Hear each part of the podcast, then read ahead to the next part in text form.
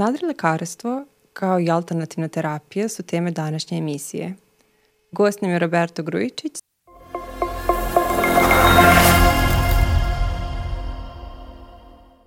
Roberto, da li možeš malo da nam se predstaviš? Ti si već medijska ličnost. E, uh, hvala ti puno što si me pozvala danas u ovaj vaš, da kažem, sestrinski podcast uh, naš. Meni je jako drago da sam danas ovde sa vama. Uh, A, pa ništa, ja se bavim dečjom i adolescentnom psihijatrijom, od skoro imamo i mi naš podcast, dva i po psihijatra, o kome, u kome se bavimo, da kažem, nekim sličnim temama. I jako mi je drago da ćemo danas pričati o ovoj temi. Ja moram priznati da sam ja imao sličnu ideju za ovaj, temu nadrelekarstva u psihijatriji, tako da si mi pretekla si me.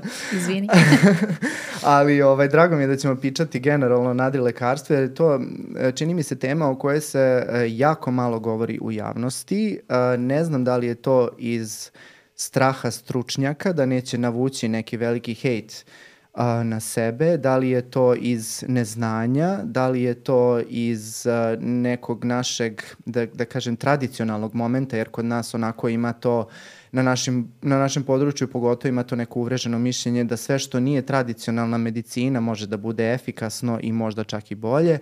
Ne znam šta je problem i ne znam ovaj u čemu je u čemu je ovaj kvaka, ali um, drago mi je da ćemo mi danas malo onako da zađemo dublje u tu temu i da se pozabavimo raznim temama. Evo već smo ovaj u pripremi za ovu epizodu pričali o raznim tako da ovaj što kaže koleginica uzbudio sam se na samu pomisao da ćemo pričati o ovome. To, ali ti si malo pre pomenuo da si ti uh, ti si završio specijalizaciju iz psihijatrije. To si tako neobavezno pomenuo kao da je to uh, dva dana dvodnevni kurs. Samo hoću da skrenem pažnju koliko je to komplikovano i koliko vremena zahteva da, da neko postane specijali, specijalista da. psihijatrije da. i koliko godina si ti uh, učio i studirao. Jeste dosta godina, ali nekako to kad voliš brzo prođe. Tako Moram da kažem, da. nekako nije mi to sad bilo onako još pogotovo specijalizacija, znaš ti to radiš i onda sve vreme nešto učiš i onda tako to prođe, jedino taj ispit, moram priznati, to mi je onako skorašnje iskustvo, pa onako malo ovaj traumatično, ali da, dosta, dosta ovaj, zahteva onako investicije, dosta odricanja, ali čini mi se da je vredno na kraju, jer onako stasaš u jednog dobrog kliničara, tek onda kad onako dan posle specializacije, malo si pogubljen i onda kad kreneš da radiš, e onda stasaš u jednog dobrog kliničara koji je zapravo je potkovan dobrim znanjem, naučno zasnovanim, jel to o čemu ćemo to. danas i pričati. Da. Tako je. I to uh, još jedan razlog što sam ovo pomenula i skrenula pažnju zato što eto ti godinama učiš i a, da pružaš tu zdravstvenu negu, pomoć pacijentima, a neki ljudi, takozvani nadri lekari ili šarlatani, nemaju nikakvu zdravstvenu spremu i oni bez pardona pružaju a, šatro pomoć, mm -hmm. uh, pokušavaju nešto da urade i uglavnom to je jako opasno za opštu populaciju. I tako da, zato sam i, i, i to je jedan od razloga zašto sam skrenula pažnju na to koliko je uh, godina je potrebno da se postane jedan zdravstveni profesionalac i opet s druge strane imamo i ovu uh, drugu stranu medalje gde razni ljudi pokušavaju da, da imitiraju lekare i zdravstvene radnike i to nije baš bezbedno ni dobro. Ja moram da kažem da je psihijatrija poprilično plodno tle. Ja sad pričam iz ugla psihijatra, mm -hmm. ja se mhm. time bavim. Uh, verujem da su mnogi onako um, delovi medicine u stvari plodni za, za, vrstu, za ovu vrstu uh, tretmana kao što je šalatanstvo, ali mislim da je psihijatrija u tome uh, možda prednjači zato što uh, psihijatrija je nekako potpuno uh, drugačija od konvencionalne medicine i mi generalno nemamo da kažem, za većinu naših stanja koje lečimo u praksi nemamo jasan uzrok ti kada god nemaš uzrok i kada god se, kada god je nešto mistifikovano, kada je god nešto duhovno i kada je god nešto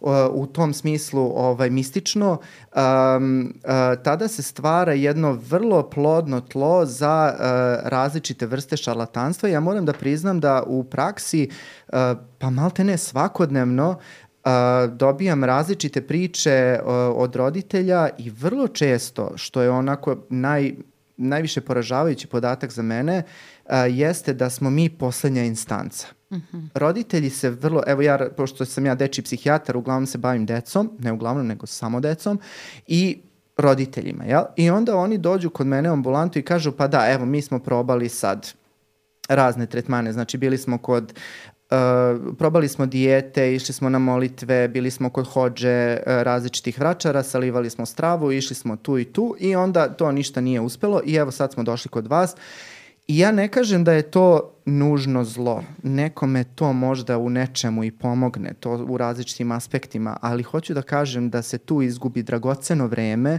za koje bi dete moglo da dobije adekvatan tretman i da zapravo uh, napreduje u onim delovima u kojima nije napredovalo za te recimo dve godine ili tri godine koje su roditelji izgubili na različite, da kažem, te šalatanske intervencije. Mm -hmm.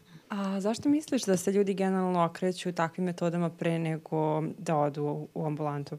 Uh, pitanje od milion dolara. Ja stvarno, uh, stvarno ne znam, uh, iskreno da ti kažem, ali uh, sad evo dok mi pričamo, ja znam da postoji jedna grupa psihologa koja se bavi upravo strukturama ličnosti osoba koje će se pre okrenuti alternativnim i komplementarnim medicinskim tretmanima nego zapravo opravdanim tretmanima. Znači postoji nešto, oni su ovaj, e, primetili da postoji neki određeni sklop ličnosti koji e, ima veću tendenciju da se okreće ka tim vidovima tretmana. Ja lično ne znam, pre, mogu da pretpostavljam, mogu da nagađam da je to neka, da kažem, um, tradicija, nepoverenje u konvencionalnu medicinu, sad čije je to krivica, da li je to naša krivica, ne nas troja konkretno, nego da li je to krivica medicine kao takve, da, sistema, da, zdravstvenog da. sistema koji je, um, da kažem, u mnogim zemljama, pa i u našoj, onako na klackalici, uh, što se tiče poverenja naroda u isti. Tako da, iskreno da vam kažem, ne znam šta je tu ključni faktor, mislim da je kao i većina stvari koja u, u, u psihijatriji onako multifaktorska. Mm -hmm. Multifaktorska, mislim da dosta toga ima, što od tradicije, što od e, poljuljanosti poverenja, što od samog zdravstvenog sistema i što do nas. I moram to da naglasim, znači da mi nismo dovoljno glasni i da ne objašnjavamo ljudima na adekvatan način uh, ono što znamo i ono što bi trebalo da im prenesemo.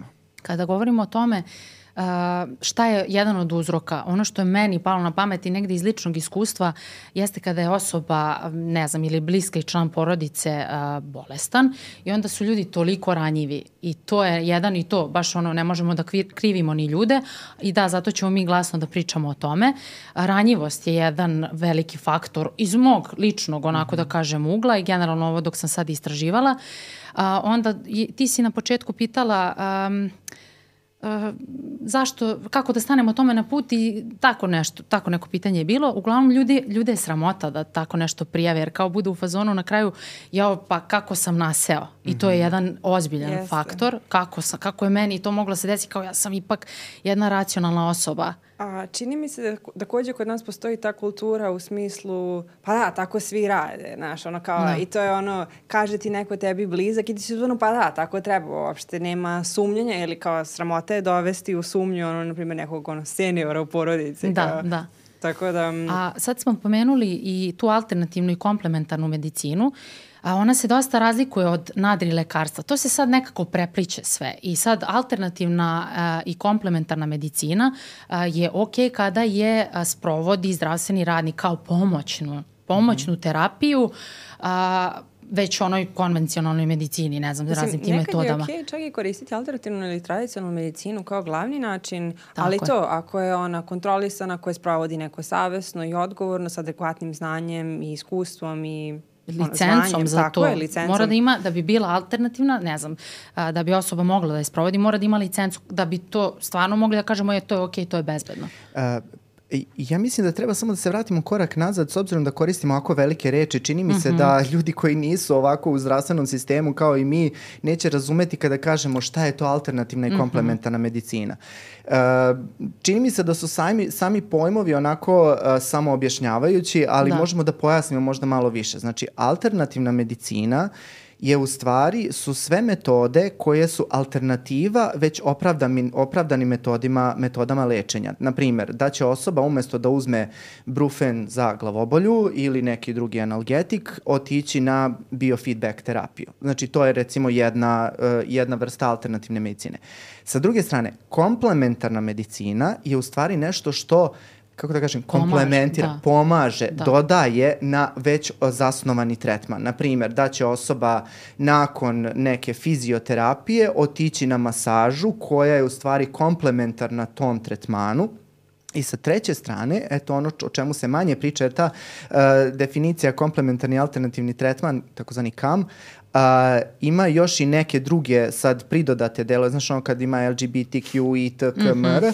e sad imamo i to alternativna medicina, pa sad još plus imamo i integrativnu medicinu, mm -hmm. ne znam da ste čuli za to, znači integrativna medicina je u stvari kombinacija uh, alternativnih tretmana i zasnovanih tretmana u dokazanom, znači u nekom naučno zasnovanom, dokazanom uh, okviru se sprovodi i ima nešto što se zove holistička medicina. Mm -hmm. I sad holistička medicina je, um, je, je, je jedan, da kažem, pa kako bih ga nazvao, pokret ili e, teorija da e, ljudi ne boluju, odnosno bolesti ni, ne targetiraju organe, kao takve, kao specifične organe, recimo bolesti srca, bubrega i pluća, nego čoveka kao celinu. celinu. Tako je. I, I to je da nešto... povežemo um, telo i duh. Tako da je, da, da je sve. sve je to jedno i sve to treba da se posmatra kao jedno i na tome su uglavnom zasnovane, zasnovani tretmani kao što su kiropraktika, kao što su akupunktura i tako koji leče uh, protok energije, ali mislim da ćemo pričati o da, tome hoćemo, da, ovaj, da, već da. u nastavku. Ali da. lepo si ovo poentirao sa ovim uh, definicijama mm -hmm. Koje će biti bliske ljudima, a ja ovde imam listu uh, metoda komplementarne medicine koje su odobrene prvo možemo to da prođemo jer dosta toga mi nije bilo poznato. Molim te. E, hajde, dobro. Prvo, dobro, akupunktura, to znamo to svi šta je, da, za one koji ne znaju, tradicionalna kineska, a, deo tradicionalne kineske medicine, apli, gde aplikacijom iglica se, te iglice se aplikuju na razne tačke na telu. Na meridijane, izvini. izvini da, da, da, na meridijane. Da. Dobro. Zatim imamo, da, drugo je metode stimulacije akupunkturnih mikrosistema, kvantna medicina, mm -hmm. a, zatim homeopatija, a, tradicionalna kineska medicina, ajurveda, a, dobro, a, kiropraktika, kiropraksa, a, mm -hmm. osteopatija i imamo metode očuvanja i unapređenja, unapređenja zdravlja, aromaterapija, reiki, antropozovska medicina, qigong, dao, sad ovo za qigong imamo više naziva, qigong, dao yin, to je neka vrsta joge, tai, tai chi chuan, vežbe mm -hmm. u mhm. medicinske svrhe. E, mm -hmm. ja sam to malo gledala, međutim, nisam mogla detaljno da istražujem to, ali to je sve a, ovo, ta joga, a, to kaže univerzalna energija, a, Da, chi znači univerzalna energija, a gong znači disciplinovani rad. To je neko disanje, istezanje, mm -hmm. sve to mm -hmm. tako nešto, da. Ne znam da li je vama nešto od ovoga poznato ili nepoznato, dakle želite da, da krenemo i šta mislite o, o ovoj listi? Pravo da ti kažem, uh, mi smo pravili jedno istraživanje, pošto ja radim na Institutu za mentalno zdravlje i mi svakog petka imamo nešto što se zove lekcije i tu uh, neke kolege spremaju različite, ovaj, različite predavanja na različite teme i konkretno me, moja tema za jedne lekcije je bila da se bavim alternativnom i komplementarnom medicinom, tako da ja manje više o svim tim metodama ovaj, znam poprilično. Uh, ne samo iz tih razloga, nego zato što su u jednom trenutku te stvari krenule da me opsedaju na Instagramu. Ja nisam mogao, da, ne znam da se ja možda pomenuo, znaš, možda i sad kad si pomenula sve te će krenuti ponovo da, u algoritmu. Da, to je telefon da me, kad je tu pa ide kad kao, čuje. Čao, čao. Da, da, da. Tako je.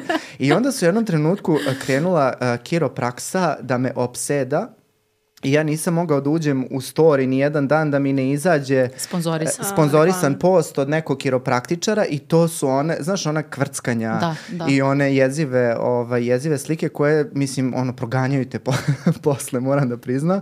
I kao, ajde malo da se bacim u stvari da vidim, ne mogu da se, ne mogu da se podsmevam, znači da, nije okej, okay, da se, znači tu ima dosta ljudi koji veruje u to, uh, dosta ljudi koji to praktikuju, dosta ljudi kojima je to uh, navodno pomoglo I onda rekao, ajde malo da se bavim ovaj, uh, dublje, dublje tim tretmanima i mogu ti reći da sam uh, manje više svako, svaki od tih tretmana ovaj, i volao bi da pričam o tome, mislim da su mm -hmm. strašno interesantni, odakle potiču i šta je u stvari osnovna bazična ideja svakog od tih tretmana. Međutim, Ta lista koju si ti pročitala sam takođe i ja našao ovaj, u našem zakoniku. Dakle, od 2005.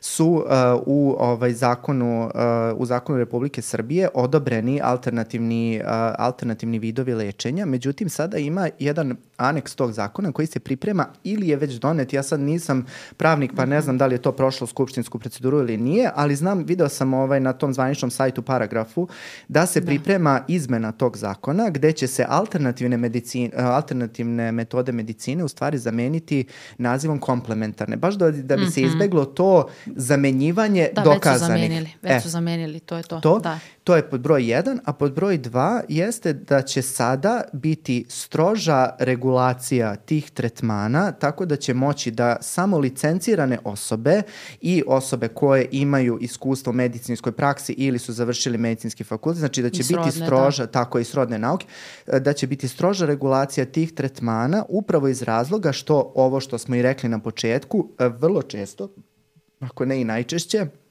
ovi tretmani prelaze u uh, jedan domen nadrilekarstva koji je u stvari po našem zakonu kažnjiv. Tako je. I sada možemo odmah da se dotaknemo i tog zakona o krivičnom delu. To je po zakonu 254. Uh, to svako nesavesno pružanje lekarske pomoći je kažnjivo ili novčanom kaznom ili zatvorskom kaznom od jedne do tri godine. Ako je narušeno zdravlje pojedinca, onda od jedne do osam godina, ako nastupi smrt, onda od jedne do 12, od dve do 12 godina. Da. E sad, da, mislim, ako je sad to tako kad čitamo suvoparno, to ne znam, nekako kao, treba, treba da pričamo više o tome zato što prva stvar, ja ne znam gde to može da se prijavi.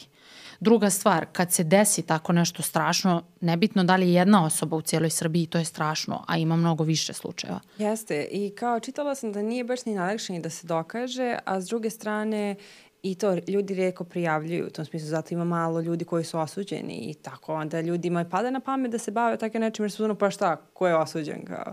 To, a i neki ljudi to rade i misle da će pomoći, kao rade Jeste, iz neke dobre namere, ali... veruju da pomažu i rade da, pravu da, stvar, da, kao, kao, to je najgore kad naš, ne, ne, ne, ne pre, naš, nije prevara izazvana namerno, već kao to ono, Pa da, ali opet kao što smo malo pre rekli koliko se zdravstveni radnici školuju da bi mogli da pomognu i Absolutno. zato je dobro sad to što si pomenuo da će samo licencirani zdravstveni radnici moći da rade ove stvari ukoliko se odluče na taj put dodatno. Mm -hmm. Ja moram da priznam da, da u Ne znam nija da se prijavljuje. Dobro, mislim, sad ja sam, sam se tražila, zapitao kao, kao, kako bih ja to prijavio, ali stvarno ne znam. Sam. Pošto ne možeš prijaviti lekarskoj komori pa, jer se lekari ne bave tim. Da, znaš, ali kao... kao, postoji opcija i kad, da kažem, lekari zastrane pa odu u neku tamo nadri lekarstvo, isto prodaju neke stvari koje nisu prošle a, istraživanja ili nisu registrovana i to isto moguće kao lekare može, da, to, može se prijaviti prijaviš. lekarskoj mm -hmm. komori. Ja sam pisala tako i tim komorama i čekam odgovor i dalje. Niko mi još nije odgovorio, ali ja ću nastaviti dok mi neko ne da odgovor da wow, mogu da kažem ljudima. Istraživačko novinarstvo, da. wow, bravo. ali kao svi me kuliraju, ali nema veze ako pošalješ dovoljno puta uh, pitanje i kao molim vas follow up letter i to da. kao, e onda jedva čekam, mislim, možda mi niko nikad neće odgovoriti, ali Da, e, slažem se da je vrlo teško dokazivo i slažem se da se e, vrlo redko prijavljuje. Uh, Zato što su uh, ti ljudi koji sprovode uh, takve vrste tretmana i koji se bave, uh, da kažem, nadrilekarstvom, vrlo uh, jasno i često znaju da se bave nadrilekarstvom. Tako je. I onda uh, oni sprovode sve mere zaštite sebe samog da ne snose kasnije kaznene posledice. I ono što sam ja našao u literaturi je opisano da nadri lekari generalno uh, ne objašnjavaju, uh, kako da prepoznaš, kako prepoznati nadri lekara, možda je to super tema. Znači, E, jedan od načina jeste da kad ti dođeš kod lekara i pitaš, kod lekara u oficijalnu zdravstvenu ustanovu i kad ga pitaš, dobro, koji su rizici, on će naj, najčešće ti reći. Ima nekih i koji neće, kao ajde sad da pročita i tako to. dalje, a da te ne plašim i to, ali ima, znači ovi vrlo često neće to reći i napisat će to sad, uh, ja sam imao ovaj jedan moment um, istraživačkog novinarstva gde sam gledao sad um, različite te uh, bočice mm. različitih alternativnih tretmana i stvarno piše ne, na nekim delovima ono iza sitnim slovima, kao kad potpisuješ ono ratu za kredit, znaš. No? I, ovaj, I sitnim slovima piše da se odriču svake vrste odgovornosti ukoliko se desi nešto, znači da osoba sama prihvata i samim tim oni sebe na neki način ograđuju, tu ograđuju da, i da. zaštite da. i to je neki način kako se oni kako se oni štite. Sa druge strane, to su vrlo da kažem vrlo često veliki autoriteti u toj oblasti u kojoj se bave imaju velika leđa iza sebe koje će ih štititi, to su moćni ljudi, bogati ljudi koji su se vrlo često obogatili upravo na tim ovaj, metodama nadrilekarstva. I teško je sa njima izaći na kraj jer ono što je ciljna grupa takvih ljudi to su najčešće ljudi iz nižeg socioekonomskog statusa, ljudi kao što si rekla koji pate, koji mm -hmm. su u, u mnogim sferama života, mnoge sfere života su im narušene i nemaju snage sada još, još da, da, da, da, apsolutno, da, da, da isteraju na kraj sada i to da ćeš ti nekog sad šarlatana da ganjaš na sudu 15 godina, jer svi znamo kako se to u našem sudstvu prolongira na godine i godine i koliko para i para je potrebno da se to najčešće bude zataškano. Mm -hmm. Mi znamo primere iz prakse da su neki neki nadrilekari zapravo bili osuđivani za različite metode koje su bile vrlo upitne, čak i nasilne, ali to su metode koje su bile uh, vrlo lako dokazive. Znači, kada vam dođe, sad, pošto rekao sam, bavim se decom, kada vam dođe pretučeno dete, vrlo mm -hmm. je jasno da ta metoda nije adekvatna i to se lako dokazuje mm -hmm. na mhm. sudu. Ali kada ti daješ neki onako, znaš, ono, napitke, neko razblaženje, tinkture, napitke, da. to, to, to, neku biljčicu, neku kinesku, ovo, ono, teško je to sad dokazati ko je da. tu šta, gde, da li si ti uzeo, da li nisi uzeo, da li si prihvatio, potpisao, nisi, da, i, znaš, da. ima mnogo stvari koje se jako teško dokazuju. To, to sad, rekli smo nadri lekarstvo, ali i nadri apotekarstvo je i takođe veoma zastupljeno, to što si rekao da ne bude. Jako me to zanima, da. Pa to isto, to je baš sve to što si naveo, te sve neke biljne a, tinkture, kapi, proizvodi, a, psihodelične substance, to je sve jako rasprostranjeno. Ba, ja znate farmaceute koji se time bave? Uh, ne, ali pos, pos, znam ljude koji nisu farmaceuti, a bave se time, prave to nešto. To je nadrija apotekarstvo, mm -hmm, to. Mm -hmm. Ja ne poznaju kolege konkretno da, koji je završio farmaceutski fakultet, jer mi znamo koliko je potrebno da se jedan proizvod razvije i koliko je tu potrebno novca, vremena, ulaganja, da bi to pritom i da se potvrdi njegovo Ali, dejstvo, efikasnost. Generalno ljudi koji se bave farmacijom znaju ono, za tradicionalnu medicinu, ako će već da uloži toliko truda, zašto ne bi uložili trud nešto što radi? Da, Zapravo, da. mislim.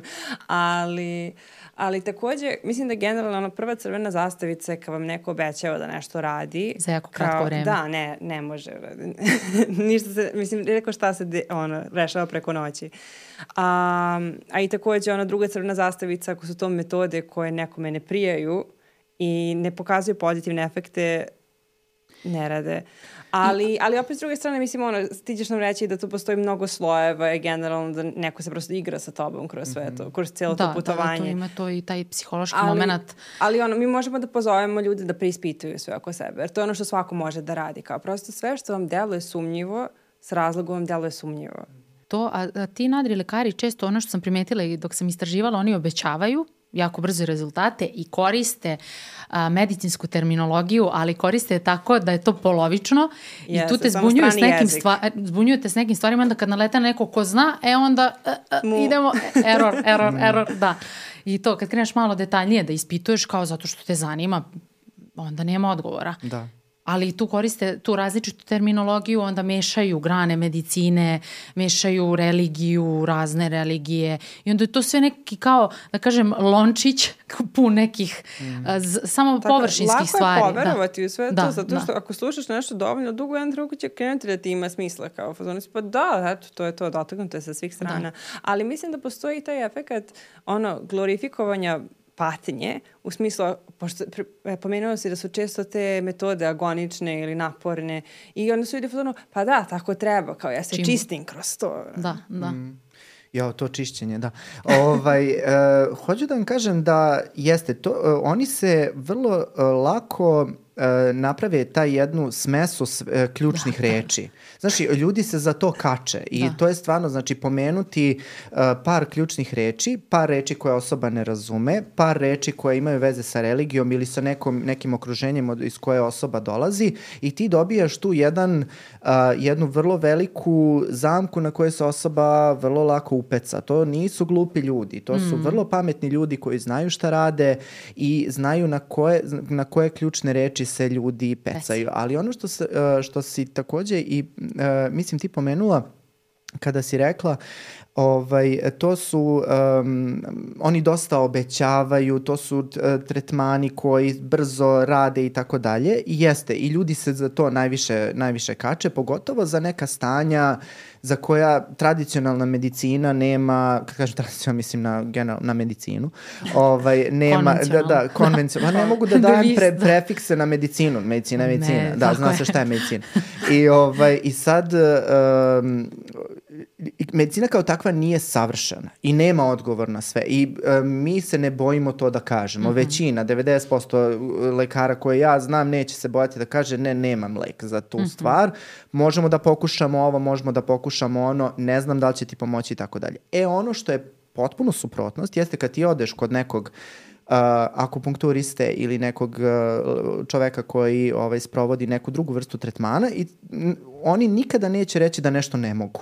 Oni uvek sve mogu da izleče. I to je ono što, uh, što je za njih karakteristika. Znači, za sve ima leka i um, Hoću da kažem, meni se svidela jedna analogija, a, s obzirom da medicina kao takva nije savršena i svideli mi se jedan, jedan ovaj, naučnik je rekao da ako sa avionom nešto nije u redu, a, nije odgovor magičan čilim. Znači, popravimo avion. Tako Mislim, znaš, ono, da. ili nađi neki drugi opravdan način transporta, nećemo sanjati o magičnom ćilimu.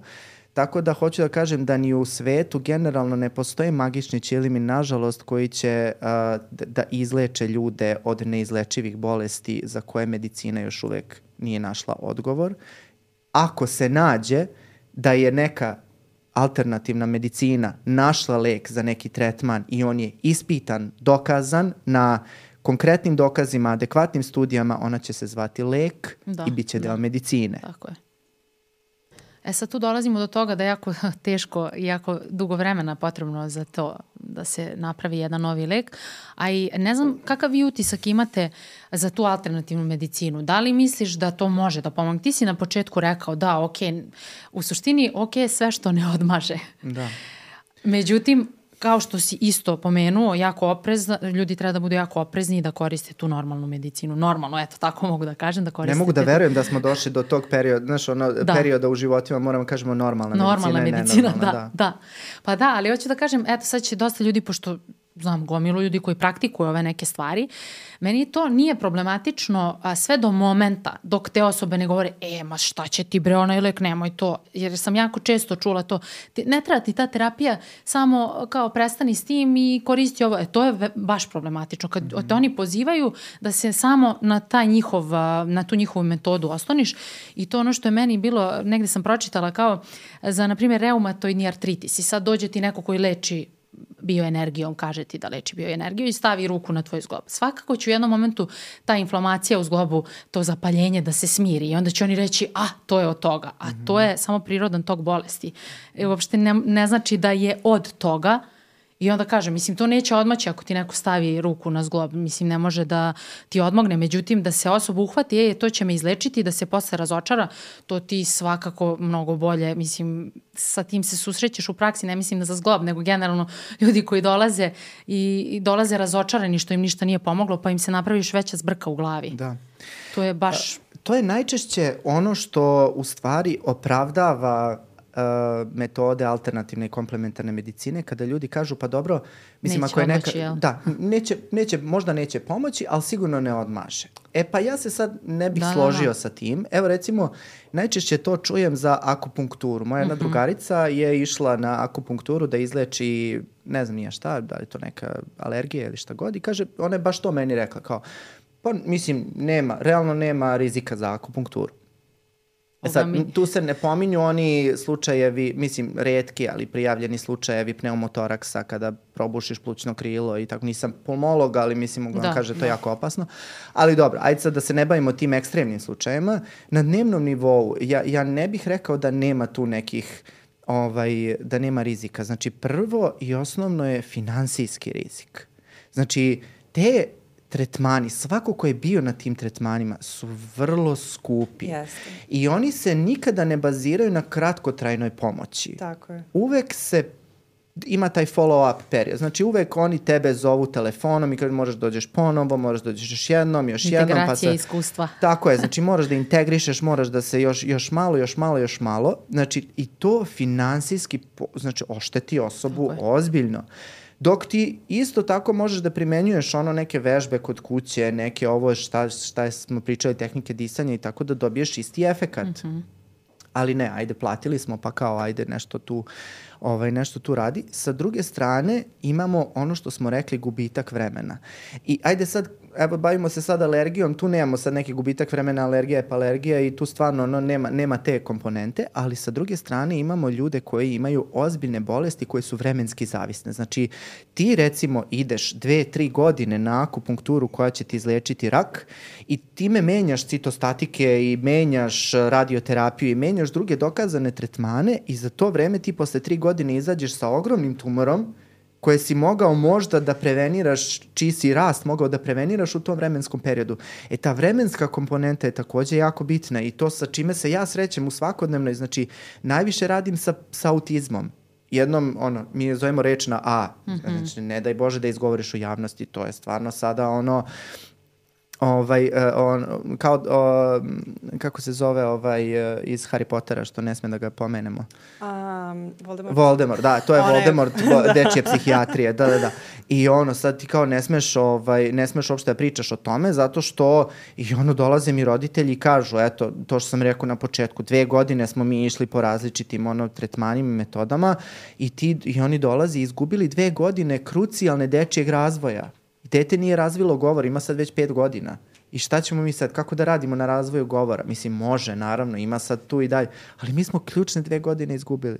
I onda to je problem. Nije da nema. Mm -hmm. Znači nije da nema, znaš kao neće škoditi, pa neće molitva da škodi, slažem se, ali u, u pari molitvu Tako sa, to, to, to. sa logopedom mm -hmm. i m, znaš ono, ja ne kažem da molitva ne dovodi do nekog, siguran sam da dovodi do velikog onako olakšanja, olakšanja mira i jako poštujem religiju u tom smislu i, i vrlo sam za to da svi moji pacijenti koji su religiozni idu ovaj, kod, kod tih religioznih vođa, u koje god religiji mm -hmm. da mhm. pripadaju. Mislim da im ja, može jako pomoći pomoći, ali sa druge strane ne samo to. Tako je. Ovo si savršeno objasnio bukvalno, kao ono. Bukvalno, bukvalno. A malo pre si pomenuo alergiju i Mislim kažeš... da je Voldemort ključan bio. Ej, pomenuo si alergiju i kao a, čula sam za metodu uzemljenja gde stojiš bos i sad nisam detaljno to istraživala jer sam rekla, ja se nadam da ljudi neće verovati u to, stojiš bos, uzemljiš se i onda te tako prođe uh, alergija. To je jedan isto, eto, to je novi neki vid, ne znam šta je. Uh, I, Uzemljenje. Uh, da, bos stojiš na zemlji i tako nešto se dešava. Pošto si je pomenuo i znam da su mi ljudi slali Meni uzemljenje. Meni kad kažeš uzemljenje, ja pomislim na onaj crni kvadratić iz fizike, znaš, pa zamislim, rekao, možda na nekom crnom, ono, trougliću stoje ljudi na zemlji. e, kad si pomenuo i trougliće, uh, postoji i spiritualna geometrija.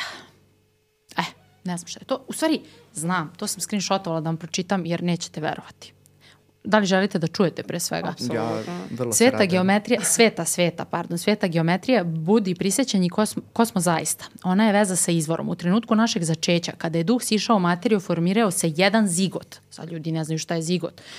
Uh, nosi po 23 hromozoma od svakog roditelja. Potom mitotičkom deobom od jednog nastaju dva, a zatim se dve polovine dele dalje i formiraju četiri ćelije. Tako se stvaraju ti geometrijski oblici i onda ti to pomaže na tom nekom duhovnom nivou. Da, niste znali. To mi je iskakalo na Instagramu kao mm -hmm. sponzorisana objava i stalno mi vidim neke to na engleskom. Ša... Ja rekao, moram sad za epizodu da vidim šta je to. Mm -hmm. Tako da, eto, uh, postoji to. Mislim, to mi je totalni, još ove što smo Ali pročitali... Ali to su ekstremi, to je ono što sam ti ja slao, mi smo se dopisivali pre nego što Ali smo ovo je ozbiljno, ovo. mislim, ono što, da, sad ćemo doći, ali ovo je ozbiljna, mislim u svetu, to stiže kod nas, čim je prevedeno, mislim, da. očigledno je stiglo, čim imamo članke o tome, Jovanina faca mi je neprocenjiva jer ne može da veruje, mi su se već navikli. Ovo je ekstrem koji postoji već u, ono, izlistanu u medijima, možeš da nađeš tretman, možeš da platiš. A sad, reci ono što si mi ti poslao i da završimo odmah da, epizodu. Da, da, da, da. Bube sa Kube, to je moj, moj favorit. Znači, e, videli smo razne ove tinkture, sve smo to prošli, ali ovaj, bube sa Kube su mi bile nešto, nešto, ali pazi ovako, bube sa Kube su fenomenalan primjer. Zašto? Zato što je to nešto što ne može da se poveže ni sa čim. Znači, to je taj, taj, taj moment senzacionalizma. Dakle, nešto mora da bude ekstremno, mora da bude sa Kube, znaš ono, mora da bude što dalje. I Jeste, to je ono što, egzotično. Jako egzotično. I to je ono što je profesor Glumbić u jednoj naših epizoda kad smo pričali o autizmu pričao. Što je teže doći do toga? Što ga više platiš Tako i što je. je ekstremniji vid i potpuno nekako logički nepoveziv, to bi značilo da je sigurno bolji. I mi smo pronašli, to jest ja sam slučajno pronašao bube sa Kube. Bube sa Kube. Bube sa Kube su u stvari uh, buba švabe koje su ljudi jeli jednu dnevno ovaj, i leči, uh, lek za karcinom, naravno, mislim zašto bi drugo bio. I ovaj, ja sam video tu objavu, srećom nije imala Ima nula puno lajkova. lajkova. Nula, baš malo. Ja sam gledala isto. baš. I nisam našla posle. Je... Sad ću da im da slučajno nema negde u medijima. Ali bilo objasni. je par nekih ono postova, imali su neke. Znaš, on, ali da. dovoljno, znaš, dovoljno je jedna osoba da, da uzme da jede bube. Meni je to, o, kako da ti kažem, teško sasvim. mi je. ali dobro, pazi, vi se smejete, ali prosto Nije smešno. Ne, ne, teško mi je zato što to postoji. Kao teško mi je zato što ne, ne, to, ima, ono, evo, pravo to se dešava kubanske bube, bube sa Kube ili gorgojo. Da. Da, ne znam da su bube švabe, lupio sam, ali Da, da, da, samo mislim da jedu. I onda ja njemu kažem, da, imam ja još nešto što sam tu istražila, ima baš puno, reko, otkrićemo u epizodi, on kaže, ali Saška, ljudi jedu bube. Znaš kao? pa da. Da, da, baš problematično. Da, jeste, jeste malo I, onako... I, kom... Južna Amerika je u pitanju, da stiže Jeste... do našeg prostora, žive u kolonijama, hrane se ovsenim ili pšeniče, pšeničnim mekinjama, hlebom, voćem, povrćem. Tretman je star više od hiljada godina. Bube se koriste, gutaju žive. Tokom njihovog umiranja dolazi do stvaranja i oslobađanja. Ne želim da čitam Dobro, ovo, ne, mislim žive. Okay, užas. Okay. Ja sam da, mislila bar ono ispečene. Ne, ne, žive bube, mislim, stvarno grozno. Ne znam, ovo je stvarno ekstrem, ali postoji. Ne, mislim da je ovaj, uh, jeste ovo, mislim, interesantno, ali moramo da se dotaknemo i toga da i medicina kao takva je imalo vrlo upitne, da Metod. da kažem, tretmane u prošlosti. Znači, mm -hmm. imali ste pijavice, ja ne znam da li, da li ste nekada da, da, čuli da... Da, ima to i dalje. Da, mislim, da, i dalje, ali nekada je bilo to zvanična metoda da. lečenja. I to je ono što mislim da čega treba da se dotaknemo, a to je da su e, ranije medicina, znači ovo što mi govorimo, medicina zasnovana na, na dokazima, to je nešto što je ustaljen termin i mi mislimo da je od uvek postojao, međutim ne.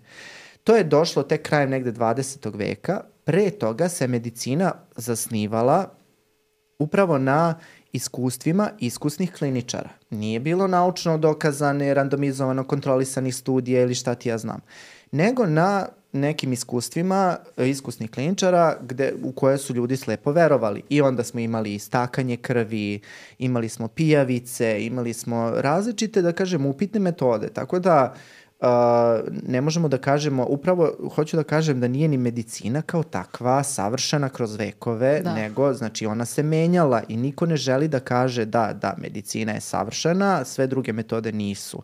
Moramo da se ogradimo. Znači, mislim da, da, da bi uh, a, dobro proverena komplementarna metoda medicini jako dobro došla. To hoću da kažem. Ali samo da se ne ostavi prostor za zloupotrebu. Tako je. I to je ono što smo pomenuli par puta, to treba da radi licencirana osoba koja već ima a, završen a, zdravstveni fakultet, medicinski, stomatološki, farmaceutski i da posle toga završi sve te, a, ne znam, specijalizacije za to ili obuke ili ne znam šta sve može da ima, mislim. Uh, A sad, ono kad si pomenuo pijavice, da, to i dalje se koristi, hirudo, hirudoterapija. Mm -hmm. Ja to ne bi se usudila, iskreno. Ah, ne bih. Mm -hmm. Ne znam niko ko je to radio, međutim ima jedna nova popularna metoda hijama. Da ste mhm. čuli za to? Ja, ja sam čuo za ime, ali ne znam šta je. Hijama uh, zaseca se površina kože, znači to je mikro, oni to zovu mikrohirurgijom. A, I onda se onim čašicama, te čašice se zovu ventuze, ventuza, čašica, i onda se izlači krv, onako pravi se vakum, izlači se krv. I onda sam ja to malo tražila, nije, do, nije odobreno još uvek a, zakonom. I to je sad postalo toliki hit, ono imaš na Instagramu da vidiš i metodu kako se radi i to se kao da ta krv koja se nalazi ispod površine kože je bogata toksinima i onda se to tako eliminiše. I ti kad uđeš na te sajtove, postoje sajtovi sa tim, baš je nekako ono čudno prevedeno s nekog jezika očigledno, pošto ne znam, pominju neke, neku terminologiju koju nema smisla i kažem ta krv koja je ispod površine kože je puna toksina i to treba da se izvadi, da se isfiltrira i ne znam šta posle rade s njom. Uglavnom to je opasno u smislu prvo ti zasecaš kožu na ne znam koliko mesta i to je prvo mora da bude ekstrem, ekstremno sterilni uslovi i ne verujem u to. Još uvek kad mhm. bude odobreno možemo da pričamo o tome kao o komplementarnoj medicini, sada nije mm -hmm. odobreno I to je to. Ne znam kako niste videli ono na leđima imaju gomilu čašice ono se nešto izlači. A to je to? Da. A, da. znam, znam, znam. Ja ono ljuti će mi se drugi jedan koji to promoviše, da. Pa da, da. eto, ti imaš iskustva s tim. Mislim, nemaš iskustva. Nemam direktno iskustva, ali imam uh, onako bliske ljude u okruženju koji su to. Nisam znao da se tako zove. Da. Aha, da. Ja da, ne da. znam da li je to i dalje nije odobreno. Ne tako znam, da, ne mogu da šta pričam, on kaže? Da. Ne, nemoj u njegovo ime. Ali... Neću, da, nek dozovite njegove epizode, Hoćemo, nek priča, da. da. A dobro, zato smo tu i da pričamo, da, ras, da sklonimo taj veo misterije da, između da. toga. Ja to ne bih na sebi uradila. Meni su ljudi nudili kao posle masaže, to ti super, kažem, ne pada mi na pamet da mi neko seče leđa tu, nema šanse. Nisam znao da se išta seče, ja sam video neke vakume, pa ljudi izlaze sa onim uh, tufnicama To da, na leđima, ali imaš da. i kad zaseku da izađe krv. E Aha. sad, tu je, verovatno se pravi neka razlika, ne znam. Uglavnom hijama je da se izađe... Ne mogu da skopčam kao krv, ono ide kroz ono, pa, vaskularni sistem, ona cirkuliše kroz telo, Cižem, kao, da. mislim, ok mi je da se toksini, ono, talože u mastima, u koži, šta god, ali kao krvi. Pa ja Mislim, ne bih... možda sam ja mentalno ograničena za ovu epizodu. pa ne znam, ja na Instagramu viđam te stvari i evo da, kaže, smatra se da je krv koja leži pod kožom puna toksina i da to može izazvati bol. To mm. to je objašnjenje. Uh, oni se na pomenuti način eliminišu iz organizma. Savremene naučne medicinske studije koje se sprovode u svetu pokazale su da postoje evidentna razlika, dobro, u sastavu krvi iz prsta i venski krvi to znamo, da, ali da. mešaju se babe i žabe. Da, da. E, to, to je isto dobro, jako dobro što si pomenula, jer čini mi se da danas možemo, e, možeš naći, uh, da kažem, dokaz za sve. Da, znači da. ti ako, ako ukucaš na, ovaj, na internetu, kako se zove hijama? Hijama is effective, i izaći će ti neke studije koje pokazuju efikasnost. To ne znači da je metoda efikasna. Tako znači i oni ti vrlo često natrljaju na nos kao evo imamo tu studiju. E sad, te studije su jako upitnog karaktera, kao što je studija, ja moram da je pomenem. Znam šta ćeš reći. Studija, da, koja je pokazala da vakcine izazivaju autizam, koja je bila jako upitna. Isto I tako, opovrgnuta je. I opovrgnuta, tako je. Isto tako ti imaš razne studije koje sada uh, ti moraš da imaš određenu vrstu naučne pismenosti da bi protumačio šta tu u stvari piše. Ne, nije taj senzacionalistički naslov Ayurveda ili, ne, da. izvinjam se, ne znam, hijama radi, ne znači da stvarno radi. Da. Možda je ona pokazala da se osoba, recimo, pre i posle te osjeća terapije bolje. osjeća bolje. Ali to ne znači da je ta metoda prvo efikasna kod svih ljudi. Da je efikasna kod različitih uzrasnih grupa, da je efikasna na duže staze i da je uh, bezbedna, što je možda i najbitnija da, stavka. Da. Dakle, tradicionalni lekovi, to što ste vi rekli, generalno moraju da prođu godine, decenije, tre, znači različitih, vi to najbolje znate, različitih a, a, ovaj, kliničkih ispitivanja, da. istraživanja na različitim kulturama, ćelija, životinjama, rr, ljudima i tako dalje i na kraju procene bezbednosti i efikasnosti, znači ono, godinama, godinama, kasnije, godinama da. kasnije se odobri jedan lek i neko dođe i kaže evo ja sam smislio to i imam jednu studiju koja je imala pet ispitanika gde su mi ljudi ljudi pre i posle rekli da se osjećaju bolje. Pa mislim, ostavi osobu da odspava u toj Tako istoj je. prostoriji na stomaku bez ičega, sigurno će se osjećati bolje pre i posle. To ništa ne dokazuje. Tako znači, moraš da imaš kontrolnu grupu, moraš da imaš placebo kontrolisanu studiju, moraš da imaš vrlo jasno i dobro uh, odabran uzorak, dobro odabranu grupu, dobar metod, statističku obradu, znači Tako. toliko stvari mora da postoji da bi se nešto, da bi nešto bilo validno kao metoda. Ne može jedna studija da dođe, mislim, mislim, koliko ste puta pročitali, evo, Ma sad... Sve, da. I, i ono što, dokazano. ne znam da li znate, bila je to e, pre možda nekih deseta godina, su, uh, uh, bila je jedna studija koja je pokazivala kao kol, uh, uh, koliko brzo se uh, fake news širi. Mm -hmm. I onda su uh, stavili jednu vest koja je bila da čokolada i, do, dovodi do mršavosti. Znači da ovaj, od čokolade može čovjek da smrša. I to su onda objavili na nekom tipa bliz žena, ali u, ovaj, Ameri u Americi to se ljudi moji raširilo o, kao plame, znači mm. kao požar se raširilo, ljudi su počeli da ve, masovno. sve to što to masovno, znači sve to što ljudi vole da čuju, daj im, znači daj im neki magični lek za mršavost, još to čokolada, još to ljudi što vole, ma daj mi, znaš, ono, da, daj mi, da. ne, nemoj da staješ da mi daješ to. Tako da, ovaj, hoću da kažem da moramo vrlo da vodimo računa i da verujemo ljudima koji imaju određenu dozu naučne pismenosti da nam protumače u stvari o čemu se radi u tim studijama koje su ovaj, koje su tako navodno pokazale neku vrstu efikasnosti. Da, i kad neko bude detaljno objasnio ovu hijjamu, ali stvarno onako možda i poverujemo to sa sad ne, -hmm. Zato što evo ja moram samo da vam nastavim baš to ono što, primer kako se ljudi zbunjuju.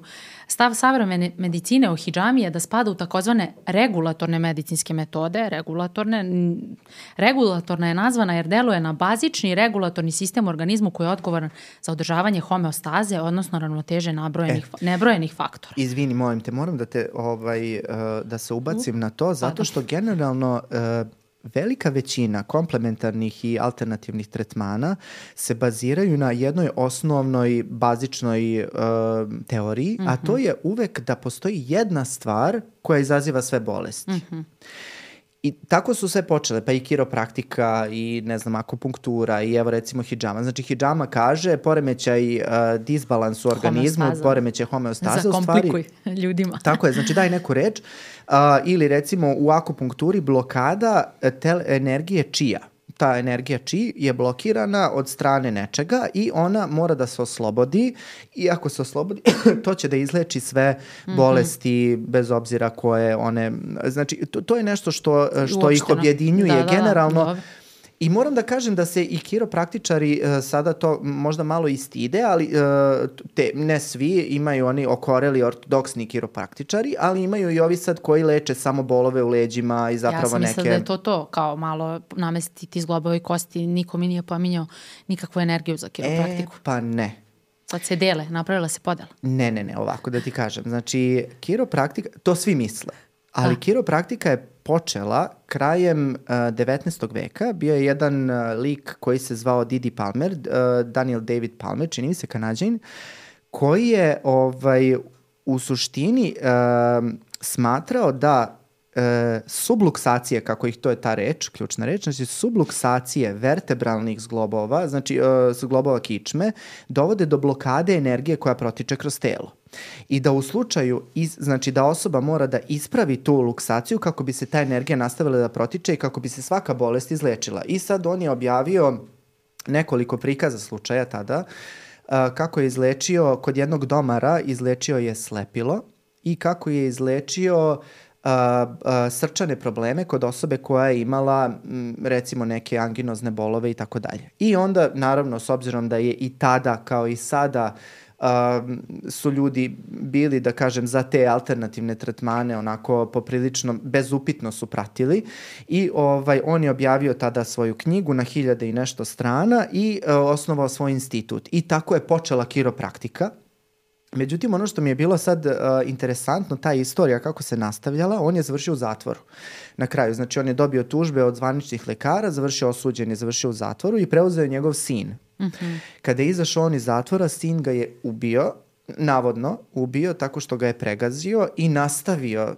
da, da sprovodi kiropraktiku i uh, to ono što je ovaj da i to je meni bilo strašno interesantno i sad naravno kiropraktika se nastavljala, menjala kroz vreme i tako dalje, ali ti danas kad pitaš kiropraktičare vrlo često i ljude generalno koji se oni ljudi misle da je to u stvari uh, nameštanje, nameštanje zglobnog sistema. Tako je, znači imaš neki bol u leđima, odeš kod kiropraktičara, on ti to ili imaš neku luksaciju, iščašenje zgloba, imaš neki prelom i tako i odeš kod nekog kiropraktičara, on ti to zaleči. Međutim, Ne, znači imaš i dalje te ortodoksne kiropraktičare koji i dalje veruju taj protok energije i tako i imaš ove druge koji su sada malo, da kažem, izverziraniji, više, nau, više su ka medicini se preslonili i ovaj, rekli, ok, nemam baš možda mnogo smisla se bavimo tom uh, protokom energije, hajde da se bavimo zapravo koštano-zglobnim sistemom. E sad ja ne znam šta je problematičnije, iskreno ti kažem, zato što ovaj, u, momentima kada su mi silni kiropraktičari izlazili na, na Instagramu, ovaj, e, stizali, ja sam to objavljivao na svojim storijima, znaju to moji ovaj, prijatelji iz bliskog okruženja i većinom su lekari, onda su mi oni slali a, primere ljudi koji su dolazili nakon kiroprakse mm -hmm. kod njih, fizijatri, hirurzi i tako dalje, koji su, gde su ljudi imali ozbiljne oštećenja od kiroprakse. Ona jesu redka, ali moraju da se predoče da postoje. Dakle, postojali su slučajevi opisani u literaturi gde su se dešavale disekcije aorte, znači pri nagloj luksaciji iz globa može da dođe do povrede krvnih sudova. Sa druge strane su bile um, pa možete zamisliti povrede nerava različitih načina, čak i do kvadriplegije, odnosno potpune, uh, potpune ovaj, nepokretljivosti sva četiri ekstremiteta o tome se ne priča. Mm -hmm. Mogu da kažem da se vrlo često priča kada će Pfizer vakcina ili kada će penicilin izazove alergijsku reakciju, to onda se objavi u svim novinama. Ja nigde nisam video da uh, novinski članak ili na TV-u, možda negde u nekim onako dobrim emisijama, ono ne znam, zdravo misli ili neka emisija na RTS-u i tako, kada se bave tim temama, pa, ali to niko ni ne gleda. Mm. Kako da ti kažem, nikad se neće, nećeš čuti u nekim upitnim jutarnjim programima ljudima da je kiropraktičar izazvao uh, kvadriplegiju kod osobe, i, jer to nije popularna tako tema, je. to ljudi ne vole da čuju, da, ali da. prosto tako je i mislim da to mora da se predoči, jer to je, uh, to je spinalna manipulacija, to da. oni tako zovu, znači to je izvođenje različitih pokreta zglobova. I o, baš ono što sam čitao, znači postoje tri stepena pokreta zgloba. Znači, jedan je voljni pokret, evo recimo na mojoj ruci mogu da pokažem, znači voljni pokret je nešto koliko ja mogu voljno da savijem ruku. Drugi je kada mogu još malo više potpomognuto, a treći stepen je u stvari to što oni izvode, da, a to je nešto. cimanje i onako primena velike sile u brzom, um, u kratkom vremenskom periodu koje će izazvati to takozvano krckanje za koje se smatra da je lekovito. Uh, što je u stvari u, po nekim hiropraktičnom oslobađanje energije, po drugim samo nameštanje. Da, nameštanje zgloba, ali u svakom slučaju to, su, to je vazduh koji se oslobađa iz uh, zglobne kapsule u momentima kada je zglob preopterećen da bi mogao da nađe prostora za kosti, da bi, tu stvari odbrana zgloba od povređivanja, da, da tako kažem. I hoću da kažem, znači, jako mi je bitno da pričamo u ovoj epizodi o ovakvim metodama, jer neće se mnogo ljudi usuditi da pojede, pojede bubu, bubu sa kube, kube, tako je, ali dosta ljudi, čak iz mog okruženja, odlazi na neke ovakve vrlo upitne, e, a ne, e, upitne tretmane, a nemaju uh, uopšte svest o tome koliko to može da bude štetno. Štetno. Da, jer hoću da vam kažem, evo i, na, evo i sad čini mi se da čujem to krckanje ovaj, zglobova koje meni onako izaziva da, da, da mi prođe jeza kroz kičmu, a ne mogu da zamislim mm. kako je tim osobama koje kroz to prolaze i opet smatruju kao wow, wow, da, wow da, evo da, ga, Sa, da, da, sad sam ovaj, da, sad sam progledao čist, da. da svi su čuli za kiropraktiku i kao to je to. Postoji kao ok, neka postoji, ali da pričamo otvoreno o tome, da se zna šta može da se desi i kao svako ima pravo na izbor šta će da radi sa svojim životom, ali moramo da biti otvoreni, efekt. tako je. Da, I, i hoću da kažem, kada god uđem na, na, baš sam ulazio na dosta tih profila, bože, čim sam se bavio, ali ulazio, na, isto, isto, ulazio sam na dosta tih more. profila i ono što je, e, što, ono što, je, što prati kiropraktiku jeste taj malo doza senzacionalizma. Znači, što je jači kvrc, to se stavlja na story i, i to se reklamira. Reelsove, da, da, da, da. da. To je pod broj jedan. Pod broj dva video sam da vrlo često stavljaju evo ovaj futbaler, ovaj košarkaš je došao na kiropraktiku, što ne biste i vi. I to mene strašno nervira. Da, da nervira me zašto moramo da naučne, da, da različite metode, e, tretmane e, promovišemo u odnosu na poznate da, ličnosti. Da. Ja ne mogu da ka, ja ne volim ni to što nam se, znaš, kao e, predsednik i premijerka su se vakcinisali, sad svi moramo da se vakcinišemo. Ne, znači ne bi trebalo da idemo slepo zato što je to neko Tako. uradio. Treba da, znači, proverimo podatke, pitamo oficijalno lekare koji se time bave i onda Tako da odradimo. Znači, ne kažem ni u jednom ni u drugom smislu da je to dobro. Taj senzacionalizam stvara stvara... Da, stavljaju jednu... reklame na ogromnim billboardima kao u... Pa da, Da, uopšte ne sviđa mi se ta, ne sviđa mi se ta premisa. Mora, znači, mora da se uvede, uh, uh, da kažem, sistem, da se vrati poverenje u zdravstveni sistem, da će osobe koje imaju iskustva, koje su naučno pismene, koje imaju, da kažem, neku praksu u, u tom smislu da to ima i neke logike, mm -hmm. da ti objasne zašto je to i dobro ili nije dobro za tebe I, i apelujem i na kolege isto tako, ne, da ne ćutimo ovome pod broj da. jedan i da se edukujemo u ovom smislu, jer uh, pet godina ranije da meni dođe osoba i kaže jel ja mogu na kiropraksu, ja kažem pa ne znam, mislim da, znam, da, ono moja komšinica Slavica išla da, na kiropraktiku, da, da, da, da. mislim ne, to je sve što znam o njoj. Sada sa ovim naknadnim znanjem bi sebi udario šamar da. i rekao dobro, ajde sad polako, ajde da porazgovaramo malo o tome da vidimo šta su benefiti, šta su rizici. Mm -hmm. Ako ti što ti kažeš prosto imaš svoj život u svojim rukama, ako ti odlučiš, ja te ne mogu vezati, zaustaviti mm. da to ne uradiš. Mogu da ti predočim kao stručnjak, ali nadam se, nadam se da će zakon to da reguliše. I ja se nadam. Da. ali nisam nešto sigurna da će u skorije vreme. Nad, evo, mi se nadamo. I mi ćemo da pričamo o ovome baš da bi se što više kolega zainteresovalo i generalno opšta populacija da shvati, kao što smo i mi pričale, da svaki lek ima neželjeni efekat, ako se generalno i treba da se koristi u pravo vreme, na pravo mesto, tako i ove metodice i metode mogu da imaju jako ozbiljne neželjene efekte po za osobu. Da, kao osobu. a moram da vas pitam, koje su, mislim, za svako neko, ja sad ne znam odakle ste vi, a za svako neko podneblje Srbije imaju neke karakteristične metode koje se sprovode. Koje su u vašem selu, da kažem, bile onako poznate Mi smo, metode? Ja sam iz okoline Pančeva, iz Omoljice, ja sam ozračena generalno, a ona je iz Pančeva. Tako, tako da, da ja mi sam isto ozračena, mi smo, a, to je naša metoda. Kod nas nema metoda, da, oni svi rekli druže. kao, vi ste gotovi. da, kod... Vi ste već otpisane, to otpisane je u stvari. Otpisane smo odavno, aha, da, aha. da.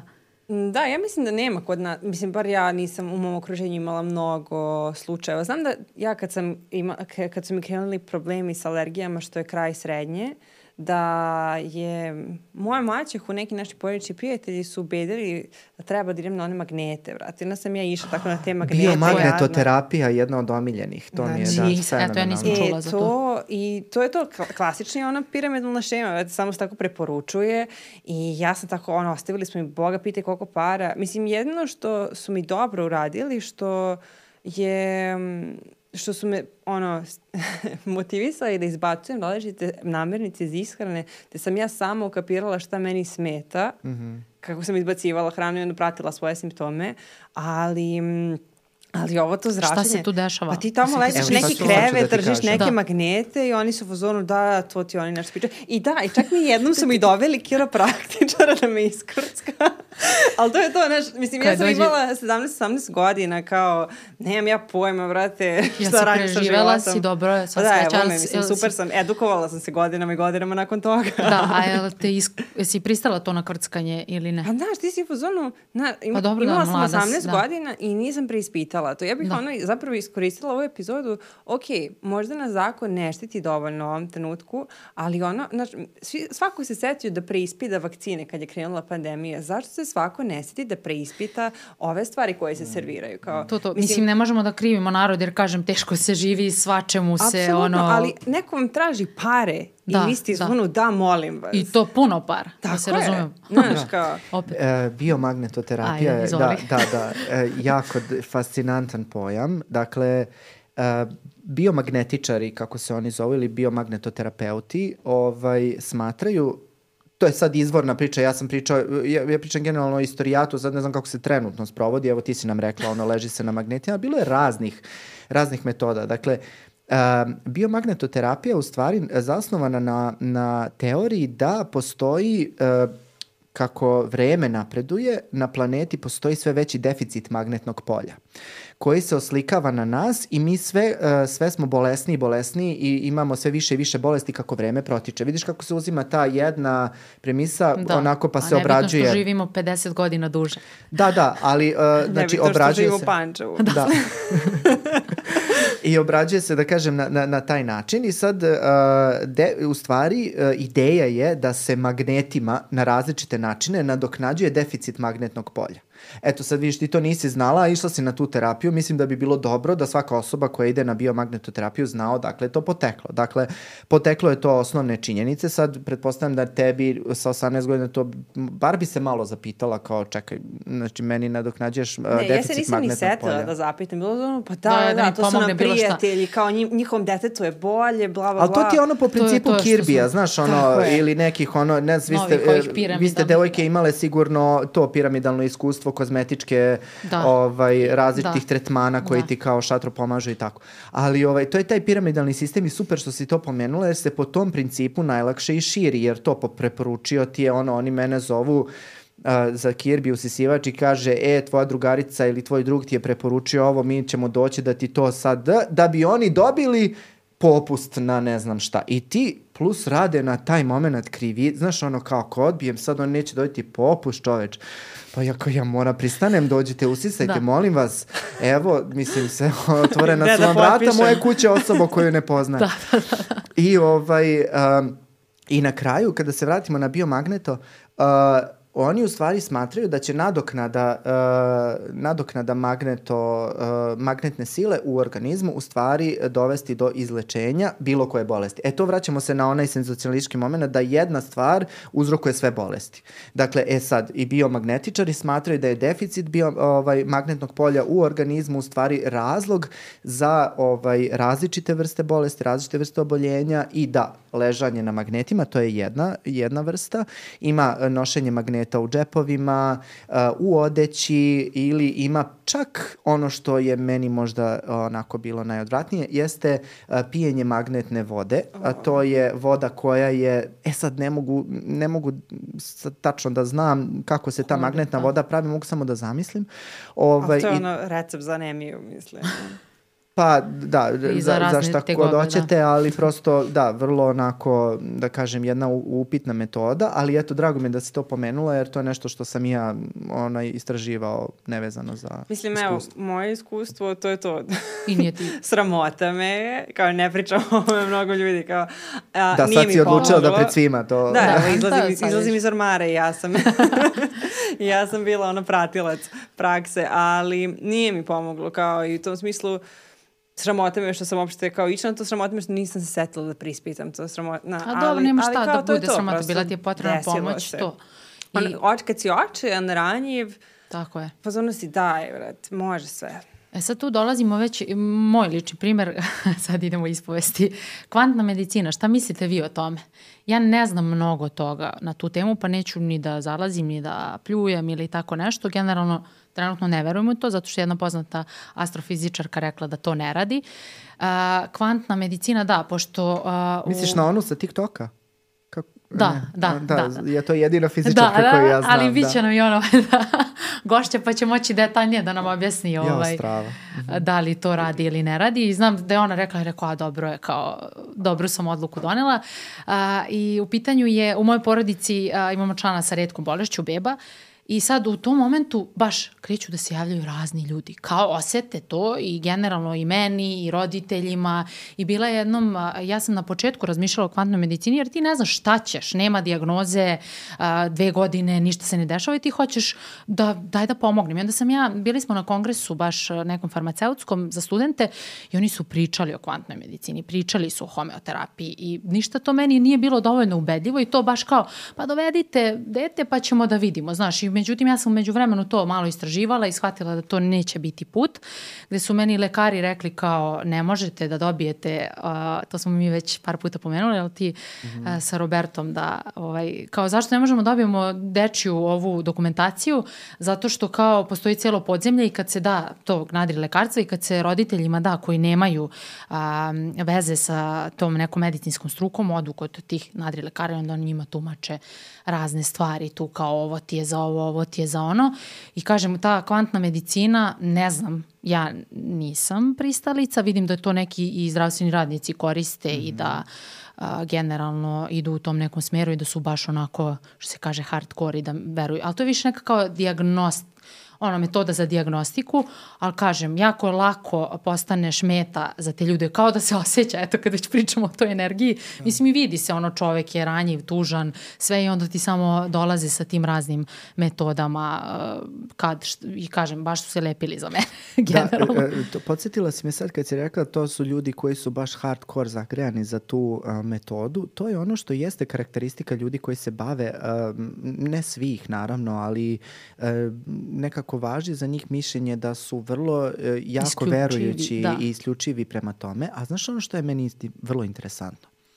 Interesantno mi je što e, različiti ljudi koji se bave metodama alternativne medicine imaju potpuno različite ideolo ideologije. Mm -hmm. Znači, ovaj smatra da je magnetno polje, ovaj smatra da je, uh, ne znam, šta smo ono pričali, uh, nedostatak Makenci. čija u, ško, u, u telu Či, da, ili nekog čigonga ili šta god.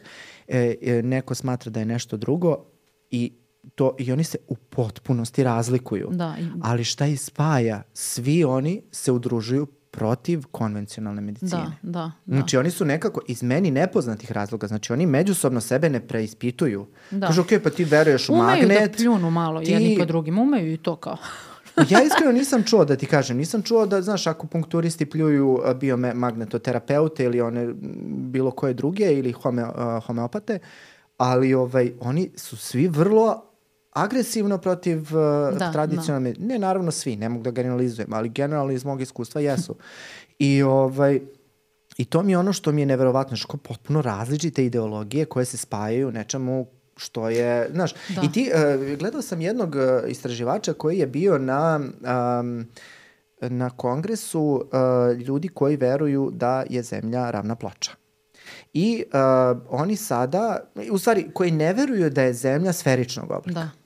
I oni svi imaju različite, to je ta ista paralela, znači svi imaju različite uh, teorije kog je oblika zemlja, znači postoje različite teorije, nije samo ravna ploča, može biti različitih oblika, ali svi znaju da nije sferična. Znaš, u, u, protiv tog jednog neprijatelja se udružuju i to je ono što je meni neverovatno. Znaš, kao zašto mora Da, Zašto da. mora tako isključiva ta podela da bude? Mm. Da nas mržnja prema jednom neprijatelju ujedinjuje, iako ra razmišljamo na potpuno drugačije mm -hmm. načine. I sad, rekla si homeopatija i kvantna medicina u jednom, ja ne znam, je li to je na neki način povezano? Ja, ne, ja iskreno ne znam, zato te pa pitam. Nije, ali oni se, da, međusobno se podržavaju, ali mm -hmm. nije povezano i mi smo baš homeopatiju i na fakultetu u jednom malom delu obrađivali kao tu komplementarnu A šta misli? Pa, pazi, mislim, kad pričamo o tome moramo pomenuti homeopatiju, zato što je to generalno jedna od najčešćih da, vrsta da, komplementarnih da. tretmana. Da. Pa da, šta ste učili? Jeste naučili nešto? Ba, pa ja mislim da je homeopatija nekako zašto smo ono obe kao error kad se to spomene, to što to je, kad ti slušaš o tome, to toliko nema smisla da ne možeš da, da uopšte uh, ostaviš te podatke da, u memoriji. Da, kao, da, da. Mislim, ja razumem šta je to teorijski, ali meni praktično samo mi se ne... Da, da se prave ali ogromna kao, razlaženja pa da, aktivne substance. I onda se to aktivira kao tim potresima, da, kao, da. Ali to je toliko čak. A čak mi je to, čak mi je to najracionalniji deo a, svega. Znači, od aktivne substance se prave baš ogromna, ogromna razlaženja. Ja sad neću da, da kažem koji je to procent, jer ne, ne držim to u glavi, ali to je... Ali čak mi je to jedna kapljica na, na ono hiljadu da. kapi, mislim, e, i onda se ponovo ponovo koriste. hiljadu kapi. I, i još ljudi, hiljadu kapi. Da, to ljudi koriste i ljudi to e, jako a ja sam... rasprostranjeno i pogotovo za te alergije. Ali, I sad ali, je to placebo. Ali kažem, to je još i najracionalniji deo priče, jer tu kreću ti meridijani, ne znam sad, neću da izmišljam, da lupetam, ali baš kad sam slušala tu priču na tom kongresu, studenti su pričali ono kao daj ljudi, evo ovo je bio komentar, otvorite prozore da ove gluposti izađu. Mislim, mm -hmm. to su studenti jer nisu dovoljno ubedljive priče i generalno kad pitaš za neki konkretan primer izlečenja, neko svedočenje, nešto, Ali pazi, error. moram da kažem, koliko god to vama delovalo ubedljivo da. i ne, neubedljivo, homeopatija predstavlja zapravo jedan od najčešće korišćenih. Da, Apsolutno, da, da, da. to je priznata metoda. Tako to, to i stoji u zakonu da. za lekove kao Mislim, kao, ok, Možeš da kupiš homeopatski lek da, da, da. u apoteci. Ne, ja znam da, će, da sam yes. ja ono sad naukla hej, zato što sam rekla meni to uopšte, ali ja ne mogu Dobro, da sklopčam to. Dobro, ovo je naše mišljenje, to, da, nije je. ovo mišljenje cele struke, naše mišljenje i ljudima pomaže u nekom tom. E, ali mislim da je bilo dobro, uh, onako sam se ja sad štreberski opet bavio i tom temom. Neka, neka. Hteo sam da, da, da vidimo dakle to potiče. I zapravo cela priča, koliko sam ja uspeo da pronađem, vodi iz 18. veka. Bio je jedan uh, čovek koji se zvao Samuel Hahnemann, uh, Nemac, koji je, uh, to je ta medicina 17. veka kad smo pominjali pijavice, otpuštanje krvi i tako dalje. I on je tada um, došao na ideju da uh, to je ono, uh, kako on kaže, uh, like cures like, znači uh, slično leči sličnim. I uh, on je došao na ideju da neka substanca, ukoliko može da izazove iste simptome bolesti kao što izaziva bilo koji drugi uzročnik, ona može i da izleči. I onda je on testirao to na svoje porodici i prijateljima i beležio je u stvari šta se dešava. Ne daj Bože da smo bili prijatelji u to vreme, jer su oni imali značajne nežene efekte. Znači, ako su recimo uh, tr bila trovanja u pitanju, on je izazivao trovanja kod ljudi i video je da se ljudi pogoršavaju. I onda je došao na ideju da bi onda to trebalo da se hiljade i hiljade puta razblaži da uh, i njegova ideja jeste da uh, razblaženje u stvari uh, nosi, kako je on to zamislio, znači da to razblaženje nosi i dalje neke komponente koje će da te izleče, a gube se štetni efekti. Znači da to razblaživanje u stvari dovodi do gubitka štetnosti, ali uh, tim razblaženjem pojačava dejstvo substance. E to je ono što vama nije logično kao farmaceutima, kao kako razblaženje substance može da dovede do pojačanja dejstva, to nema nikakvog smisla. E pa upravo je to teorija, nažalost stvarno nema logičkog smisla, ali se i dalje koristi, i dalje se koristi. I to su po, mislim da je najrasprostranjenije, tako to I to razmišljam, da. i to razmišljam, znači ti sad recimo, znaš, uzmeš čašu piva i popiješ je i sad tvo, po toj logici ti bi trebalo da uzmeš jednu kap piva da rastvoriš u vodi i kad bi je popio ti bi se mnogo više napio nego od čistog piva koje si pio. Da. znači da se pojačava dejstvo razblaženjem što nema to. E sad ja ne znam te druge E, te druge metode, to da. treš, trešenje, da, ruku, ne znam stvarno, ali znam da je to bila ono ovaj, osnovna... Jer ti ni ne možeš ni da razblažiš to, ne postoji način da ti napraviš to razblaženje onako, nego da to udaraš, jeste, da treseš. Jeste, jeste. I, i, I ono što je isto bilo interesantno jeste, uh, ti, ti metodi, sad da ne plijemo uh, naš narod, naravno nismo mi najgori na svetu, ima Tako. različitih uh, drugih kultura koje su imale jako velike procente. Ono što mi je bilo interesantno, Aust, uh, Australijanci, oni su bili očajni. Znači, uh, homeopatija je nekako bila najraspro, najrasprostanjeniji metod lečenja u jednom trenutku tamo i njihova vlada je odlučila da sprovede jedno ogromno istraživanje gde su u stvari gledali ovaj, uh, da li stvarno homeopatija ima I postoji, znači postoji dokumentovano toliko studija je rađeno, toliko preglednih radova, toliko meta-analiza i nema značaja nikakvog. To je ono što možemo kažemo u ovom trenutku. Takođe, ono što su takođe ispitivali kanadjani, jer je u Kanadi isto to bilo vrlo popularno, gledali su koliko ljudi, to je nekih 45% čini mi se na stanovništva, u nekom trenutku koristilo homeopatiju, sad ne znam tačno procenat, ali nije ni bitno, ali ono što mi je bilo interesantno jeste kad su pitali ljude šta je homeopatija, kao kad sam ja tebe ono pitao šta je biomagnetoterapija, pa ne znaš, e, najveći deo, preko 60% ljudi nije znao šta je homeopatija da, i da. zašto se tako... Ne znamo ni mi tačnu definiciju, tako bukvalno. Je. Mislim, zato... ste farmaceuti. Da, nekoliko god da, da puta pročitaš, ti si u zonu da. da i... Da. šta, šta se desi konkretno, da.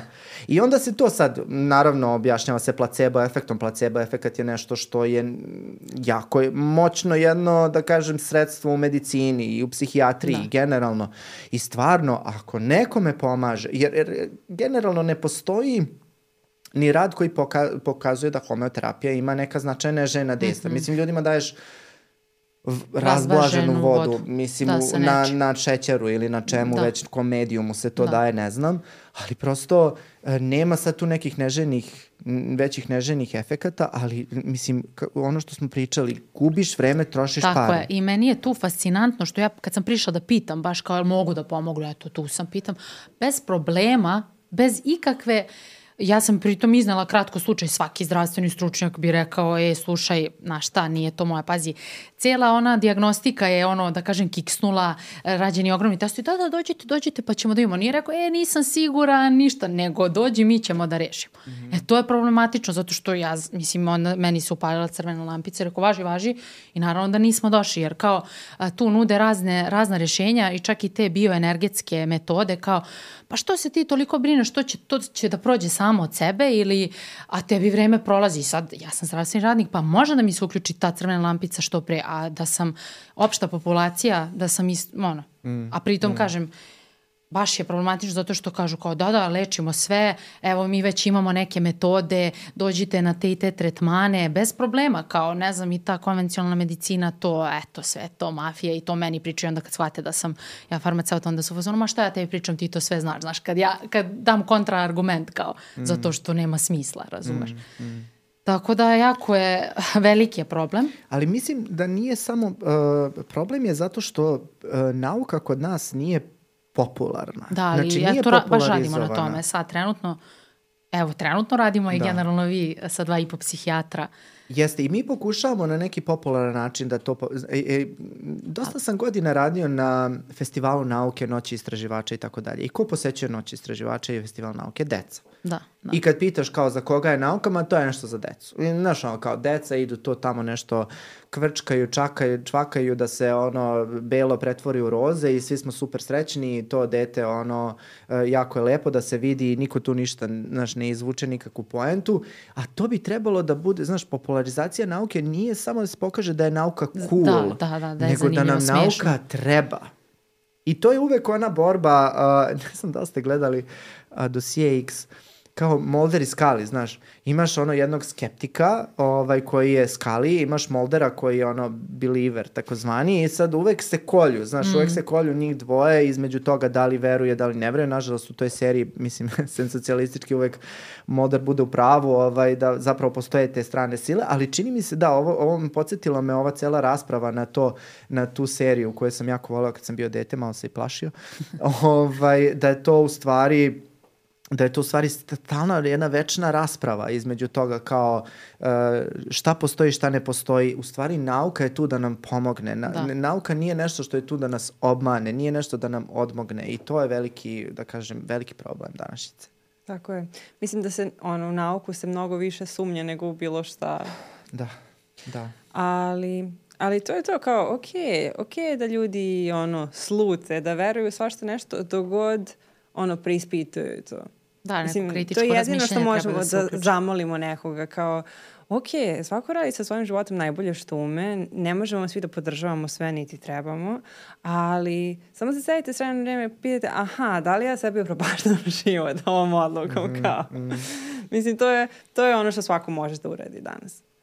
A ili, ili imaš ti neku metodu? Ovaj... Pa gde ćeš više da, da izlazimo ono, na da. stup srama? Ne, ne, ne tvoju, nego da si nešto našla.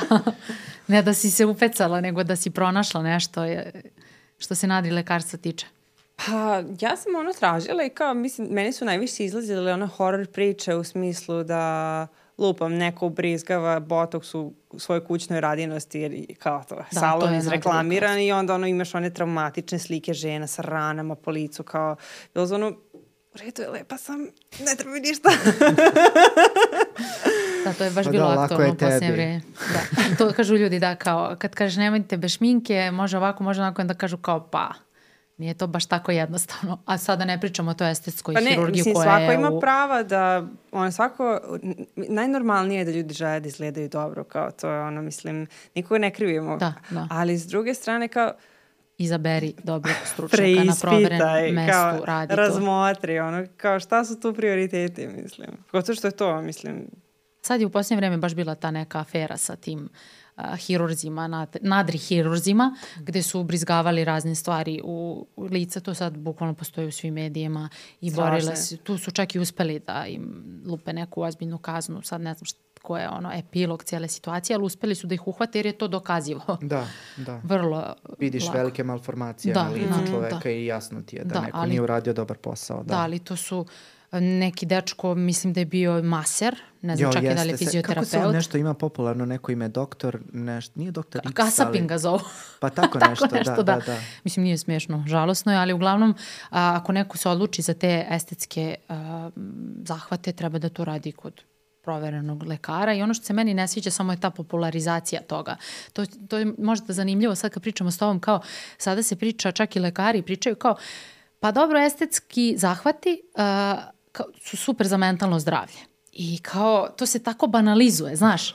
I onda sam tu, znaš, kao, da li tu izaziva neku psihološku zavisnost, o tome možemo da pričamo možda neki drugi put, ali generalno mi se ne sviđa taj moment gde jako dobri lekari popularizuju to, to kao, mm. znači kao, ma nema tu nikakve zavisnosti, ok, možda fizički nema, ali osi, ne znam baš da li to tek tako može da se kaže lako. Nema zavisnosti, ali ima mnogo para i sve što je posredovano ljudskom rukom i sve što se sprovodi od strane ljudi je sklono manipulacijama i sklono je, uh, da kažem, globalizaciji, sklono je uh, monetizaciji, mm. tako da mislim da Uh, zato sam i odmah u početku rekao da niko od nas ne smatra da je medicina sve savršena moguće. i svemoguća i da su svi stručnjaci medicinske struke savršeni i znači svuda ima upitno da kažem stručnih ljudi i tako dalje i sigurno će u komentarima ljudi doći i reći Eto, e, taj, ja taj. znam tog i to koji je radio to i to slažem se ima različitih ljudi ali hoću da kažem da je naučni metod jedan uh, pravi, onaj ispravni naučni metod je jedan i da ne treba uvek kada ono što ste vi govorili, govorili ste često o red flagovima, odnosno ta, tim crvenim zastavicama koje treba da se upale u trenucima kada nam je nešto sumnjivo, da, upalile se s razlogom, pitajte drugo mišljenje. Nije na odmet pre nego što se za neku drastičnu proceduru nešto što može da nas ugrozi, odlučite. I na, to će vas najmanje koštati, najviše će vas koštati da vas neko upropasti. Tako je. Telesno, I fizički, psihički. psihički isto je. jako problematično. Tako je, tako to je. sad, ja imam uh, neke dve jako zanimljive metode. Ja mislim da niste čuli za to, možda jeste. Uh, da li ste čuli za kambo? Ne. Prvi put čujem. Dobro. Je li ovo e, neki kviz? Bukvalno. Nije, ali evo imate materijala, ono kao možete da, posle ove epizode ljudi slobodno. U slagalicu da, da odem, da. A, generalno, kambo je otrov koji se dobija sa a, neke to jest sa džinovske majmun žabe, majmunske, ja. džinovska majmunska žaba. A, inače, naziv latinski za tu žabu je Filomedusa bicolor, znači on u fazonu je, već je naziv kao beži od mene, razumeš? Uh, I uh, uzima se sa žabljih nogu sluz, žablja su se unosi, uzima, uh, ta žaba izlazi samo noću, jako je teško i uhvatiti i to se radi u Južnoj uh, Americi generalno tamo odatle potiče i to, to rade te neke tretmane. Šta se dešava? Ti uh, šamani uh, a, da, to treba oni da rade, a, naprave a, male opekotine na koži i onda na te opekotine nanesu taj žablji otrov. I onda osoba šta se desi odmah jako brzo krene da povraća, da otekne baš kao žaba, izgleda kao žaba i nije dobro. I sad, kažem, to su koristili, to oni koriste tamo u Južnoj Americi, a, ne znam, to su koristili za lov da nekako oteraju te zle duhove, da povećaju tu neku, a, da kažem, pažnju, fokus i to. I onda sad ljudi to moderno, sad je to moderno opet, to jest idu tamo turistički, to se čak dešava i u Srbiji, čak su i mediji na televiziji prenosili taj ceo tretman. I šta se desi? Znači osoba baš doživi tu neku šok, njeno telo doživi šok i posle toga, naravno kao ljudi, to je neki taj uh, subjektivni osjećaj da im bude mnogo bolje. E sad ono što ja, što je moje lično mišljenje, naravno da bude bolje posle takve, takvog šoka za organizam, jer kao ti unosiš uh, otrov, životinski otrov stavljaš na sebe i tu su reakcije ono od muke povraćanja, dešavale su se i smrti, smrtni slučajevi u svetu, tako da stvarno ne znam šta bih rekla za to, baš mi je bilo onako, A... e, to je ekstrem koji postoji kod nas. Da. Stvarno je ekstremno. Ja evo sad slušam prvi put o toj žaboterapiji, ovaj, iskreno da ti kažem nisam nikad čuo, ali već na ovaj tvoj, na ovo tvoje predstavljanje ovog vida tretmana hvatam te stvari o kojima smo ranije pričali. Dakle, da. to je jedna Egzotika. redka, egzotična žaba koja jako teško se hvata, izlazi samo noću, radi se u Južnoj Americi. Pa se onda ovi naljute što ti maltretira žabu.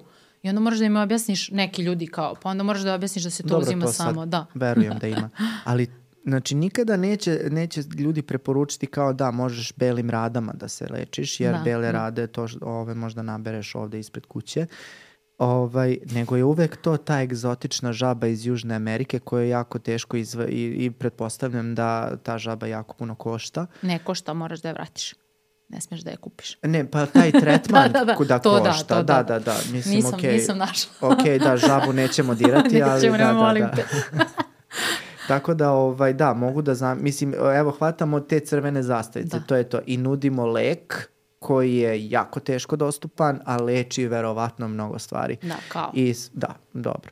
Ali, ovaj, eto, to, je, to su te stvari koje treba da ukažemo ljudima. Znači, to, taj senzacionalizam u stvari je nešto zašto ljudi treba da se uhvate i da preispitaju. Dobro, e, još jednu metodu si pomenula, jel? Da. To je lečenje a, ajavaskom. To je mešavina dve biljke a, koje u sebi imaju, a, jedna biljka nosi a, jedan psihodelika, to je dimetiltriptamin, a druga biljka nosi a, substance koje inhibiraju razgradnju tog dimetiltriptamina i generalno to je neko, da kažem, to je u Peru se dešava to ceremonijsko lečenje, to je neko duhovno lečenje, alternativna medicina kod nas to nije odobreno, ali nam stiže polako, ali sigurno i to su isto jako skupi tretmani, tu se čiste ljudi, uglavnom šta je tu problematično? Što je to psihodelik -hmm. I jako, da, ta substancija je jako skupa, ne znamo dakle oni to nabavljaju. Međutim, kažem, to je psihodelična substanca koja ima u sebi dimetiltriptamin koji deluje na receptore a, za serotonin, odnosno sad na 5-HT2A receptore. Međutim, a, dimetiltriptamin a, deluje jako kratko kad se sam primenjuje i onda u toj a, mešavini postoje i a, ta druga biljka koja sadrži a, malo inhibitora, odnosno substance koje sprečavaju razgradnju ovog dimetiltriptamina i onda osobe imaju te neke vizualne halucinacije, a, ne znamo, ono, a, izađu iz sobstvenog tela, onda iskustva bliska smrti i e, to je problematično zato što ja kad sam istraživala tu tematiku, a, ok, to je da kažem, mislim meni to nije ok, pogotovo ne kada je nekontrolisana primena psihoaktivnih substanci, nikako mi nije ok. A, generalno, a, postoje neke i sad i naučne studije da određene psihoaktivne substance pomažu, ali to je pod jako kontrolisanim uslovima, a, to su istraživanja i dalje u toku i nije isto kada neko priča o tome kao o potencijalnoj metodi za lečenje, kada pričamo o šamanskom lečenju a, koje može da bude jako problematično zato što osobe, a, ako se desi neki problem, to odgovornost je na pojedincu koji je sam pristao to da uzme, ali kažem, eto, to je, ne znam da ste znali da se dešava, to je na tim egzotičnim putovanjima postoje razni, a, mm. ti, u Peru postoji turizam, ono, bukvalno imaš ishranu, a, ja nisam bila, ne znam, ali imaš ishranu koja je prilagođena, znači imaš Upravo, u, u restoranima. Upravo, ja da dodam da kao, ajde u restoranima, već kao što, mislim, generalno se ljudi nedeljama na nekim dijetama, kao one tamo odu izgladneli, umorni i onda ih još neko, ono, da im psihodelik, kao, da, da. su health. Da, i onda, onda se dešavaju tako razne halucinacije, jer šta je efekat psihodelika mm. nego halucinacije i onda sad tu se javljaju različite i slike i vizije i tako nešto, ali kažem, onaj drugi problem, sad će tu ljudi reći kao pa to se godinama koristi, ali to, ono što si ti rekao, ajde da vidimo koji su neželjeni efekti, gde su a, ljudi pisali, bukvalno su imali psihozu koja je trajala jako dugo nakon toga, jer a, sve te a, metode koje, koje nekontrolisano korišćenje psihodelika, to će ćete nam vi pričati mm -hmm. u vašem podcastu Dva i po psihijatra koliko mogu negativnih posljedice da imaju na mentalno zdravlje ljudi, pogotovo ako osoba nije stabilna i tako dalje i tako da. bliže. Da. Postoji taj ceo da kažem, pokret uh, koji smatra da je uh, hipi pokret 60-ih, 70-ih bio u stvari najsrećniji period društva. Uh, I tada su se u najvećoj meri koristili, koristile psihoaktivne substance, između ostalog i najviše psihodelici. I tada su nekako i dobili tu neku mainstream notu i počeli, ovaj, počela njihova globalizacija. I počelo je njihovo istovremeno ispitivanje i krenulo su ispitivanja klinička istraživanja koja su govorila da psihodelici zapravo mogu da dovedu do uh, anksiolitičkih, antidepresivnih, uh, antipaničnih uh, efekata i tako dalje. Uh, I to je posle nekog vremena i zabranjeno, uh, onako zakonski regulisano, uh, u najvećem broju zemalja, čini mi se u 90 i nešto posto zemalja je, uh, ovaj, su psihodelici sada zabranjeni.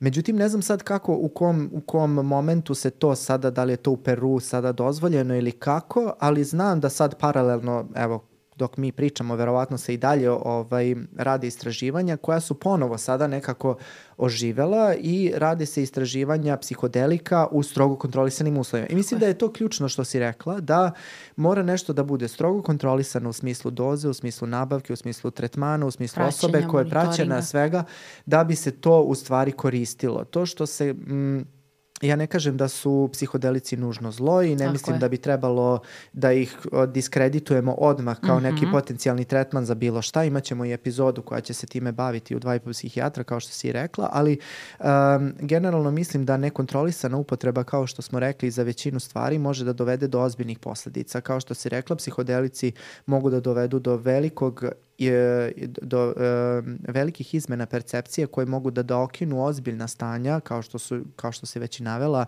a, psihotična stanja, panična stanja i oni bad tripovi kao uh mhm. -huh. takozvani. Čak su se opisana i nesrećni slučajevi gde su ljudi smatrali da imaju posebne moći da lete i ne znam ti nija šta, pa skakali sa zgrada i svašta nešto. Tako da mislim da ovaj, a, trebalo bi ono ostaviti otvoren um za psihodelike u budućnosti, ali trenutno nemamo dokaza da bi psihodelici mogli da budu bezbedni. Tako Oni sigurno nešto rade, a to što rade još uvek nije dovoljno bezbedno da bi se propisivalo uh, većoj, ovaj, da kažem, većoj populacijonoj grupi, bilo, bilo koja grupa psihijatrijskih poremeća to bila. E, sa druge strane, ja, ja moram da priznam da sam u svom okruženju imao osobe, ne koje su koristile ovaj, taj konkretno vid tretmana, nego nešto što se zove microdosing. Da, da, da to, to su, Da, to su uh, mikrodoze halucinogena, uh, konkretno ovaj, LSD-a čini mi se ili nekih sličnih sintetskih droga. Pečura kao isto. Da, Pečurke. psilocibina da, generalno, da, da, da. da, koje su onako u nekim uh, ovaj, malim dozama, sad to se uzima, ne znam, meni je drugarica rekla koja je to koristila, sad to su te sličice poznate, jer se rastapaju na sluznici jezika i nepca ovaj, i uh, uzimaju se u malim dozama, to su neke osmine, četvrtine, sad ja ne znam tačno, i kao uh, navodno one dovode do poboljšanja mentalnog zdravlja, pojačanja kreativnosti i šta ti ja znam, ali opet to je ono, kupiš od nekog dilera negde na nekom, ne znaš ni šta kupuješ, Tako ne znaš koja je to I substanca. se desi nešto, ne znaš kako da reaguješ, Tako pogotovo ako si u nekom nebezbednom okruženju. Generalno na Netflixu postoje baš to, ne, neki film Fantastic Fungi, Mm -hmm. I tu ima, generalno to je opisano, međutim oni u filmu prikazuju to kao da je u kontrolisanim uslovima se sve to dešava i onda da je osoba i na infuziji ide pod konstantnim monitoringom i onda tako dođu razni ljudi i zloupotrebljavaju to. Mm. To, je, to kad pominjem u kontekstu nadri lekarstva. Ono što je meni, uh, ono što je meni bilo interesantno generalno jeste uh, kako se i različite metode relaksacije sada uh, nekako veličaju kao uh, značajne terapeutske metode. Recimo, u, u tom smislu čini mi se da yoga prednjači i različite druge vrste meditacije kako leče različite bolesti. E sad, uh, ja moram da kažem da se ja u jednom trenutku bavio jogom i radio sam jogu i jako mi je prijala i nemam ništa protiv, uh, protiv toga, ali ne vidim razlog zašto bi se svaka metoda koja ima tu neku duhovnu osnovu, kao ajde sada da kažemo da joga leči malignitet. Mm. Jer nema nikakvog smisla ok, zašto nije u samo u redu reći da ti pomaže, da, da se da. sjediniš sa sobstvenim telom, da se relaksiraš, da meditiraš, to svima pomaže, da se isključiš iz poljašnjeg sveta, da nekako se maneš tih informacija koje dobijaš na dnevnom nivou. Zašto nije dovoljno to, nego moramo da to podižemo na viši nivo i kada čitamo komplementarnim tretmanima, vrlo često vidim da su metode meditacije, relaksacije i joge ovaj, eh, metode lečenja koja zna čega zašto moramo uopšte da ulazimo u to medicinsko polje, zašto ne moramo da ostanemo, ne možemo da, da ostanemo da, na tom duhovnom nivou, da to pomaže, da. tako je da pomaže u nekom smislu, ali ne moramo odmah da kažemo, e, leči neku neizlečivu bolest. Znaš, kao, joga će izlečiti sidu. Neće. Neće, nema, znači, ne postoji način, ne, ne postoji nikakva logička osnova za tako nešto ja mogu da se ono, filozofski nadovežem na ovo, kao generalno mi se čini da su ljudi jedna nezasita vrsta u smislu kao nije dovoljno. Mi vrate. ljudi. da, kao, znaš, pa okej, okay, super, pomaž, nije dovoljno. Ajmo da leči rak. Da. Hoćemo još. Hoćemo ono, bling bling, vrate. Tako da. da, mislim, čudni smo. Da. Uh, ne, ne znam, meni je isto bilo interesantno sad kad se pričamo o ovom, bilo mi interesantno ovaj, jedno istraživanje koje je uh, upravo gledalo uh, iz kojih poriva ljudi se okreću uh, komplementarnoj alternativnoj medicini i oni su to definisali u neka tri uh, da kažem, desto kriterijuma šta su, neka tri poriva, da kažem. Prvi poriv je bilo nezadovoljstvo. Nezadovoljstvo kon konvencionalnom medicinom. Dakle, ljudi su probali nešto, nije uspelo, neće da probaju ništa drugo iz tog mm -hmm. sveta, okrećemo se nečem, nečemu drugom. Uh, Drugo je bila potreba za većom kontrolom na tretmanu i mislim da je to u stvari jedna od ključnih stvari gde ti u suštini uh, recimo homeopatijom ili akupunkturom naučno govoreći, nećeš dobiti mnogo. Ali tebe, uh, kogod je bio na tim tretmanima, ja sam pitao ljude koji su išli, znači oni tebe jako lepo prime. Pitaju te kako si, kako je tvoj život, uh, da li si bio pod stresom, šta se u stvari kod tebe dešava, nekako te onako ljudski saslušaju, to traje sat vremena, oni te pregledaju i sam taj čin u stvari dovodi do neke vrste blagostanja. Tako da ta želja za većom kontrolom nad tretmanom, ti imaš, ti ljudi stvaraju osjećaj da ti imaš kontrolu nad sobstvenim tretmanom. Oni sve nekako u dogovoru sa tobom, što je sve nekako drugačije od konvencionalne medicine gde smo mi kao lekari preopterećeni. Gde ja moram da imam 25 do 30, 40, 50 pregleda, zavisi u kojoj struci radim dnevno.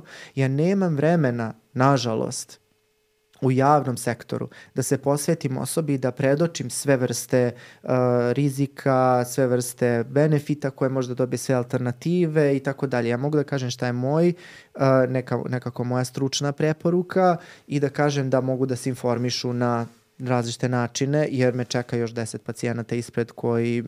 Cupkaju i da, čekaju. cupkaju i čekaju, žure. tako je.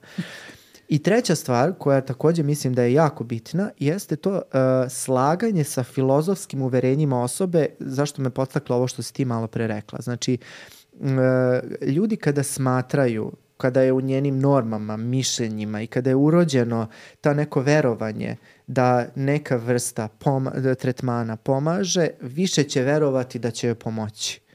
Me razumete? -hmm. Tako si ti sa 18 godina uh, verujući svojim precima, da li su to bili baka, mama, tetka, tetka, teča, kogod, ovaj, iskusili nešto tog tipa, veruju da pomogne, ti ćeš samim tim više verovati u tako nešto jer si rasla u takvom okruženju. I onda su oni ispitivali sva ta tri. Ja mislim da su sva tri bitna i sva tri su nam nekako ljudski bliska. I yes. mislim, ja nikada ne bih okrivio osobu uh mhm. -huh. kao takvu koja će se okrenuti alternativnom tretmanu, jer niko neće otići to jer mu je dobro, jer mu je mhm. lepo. Niko ne, vrlo redko se desi da neko je zdrav pa ode da unapredi svoje zdravlje tako što će otići na neku drastičnu metodu lečenja. Ne. Vrlo često ljudi pate, treba im pomoć, a ne vide spas u konvencionalnoj medicini i vrlo je lako takve ljude primamiti i privoleti da se leče na ovakve načine koji su najmanje rečeno upitni o čemu smo se danas najviše mm. bavili.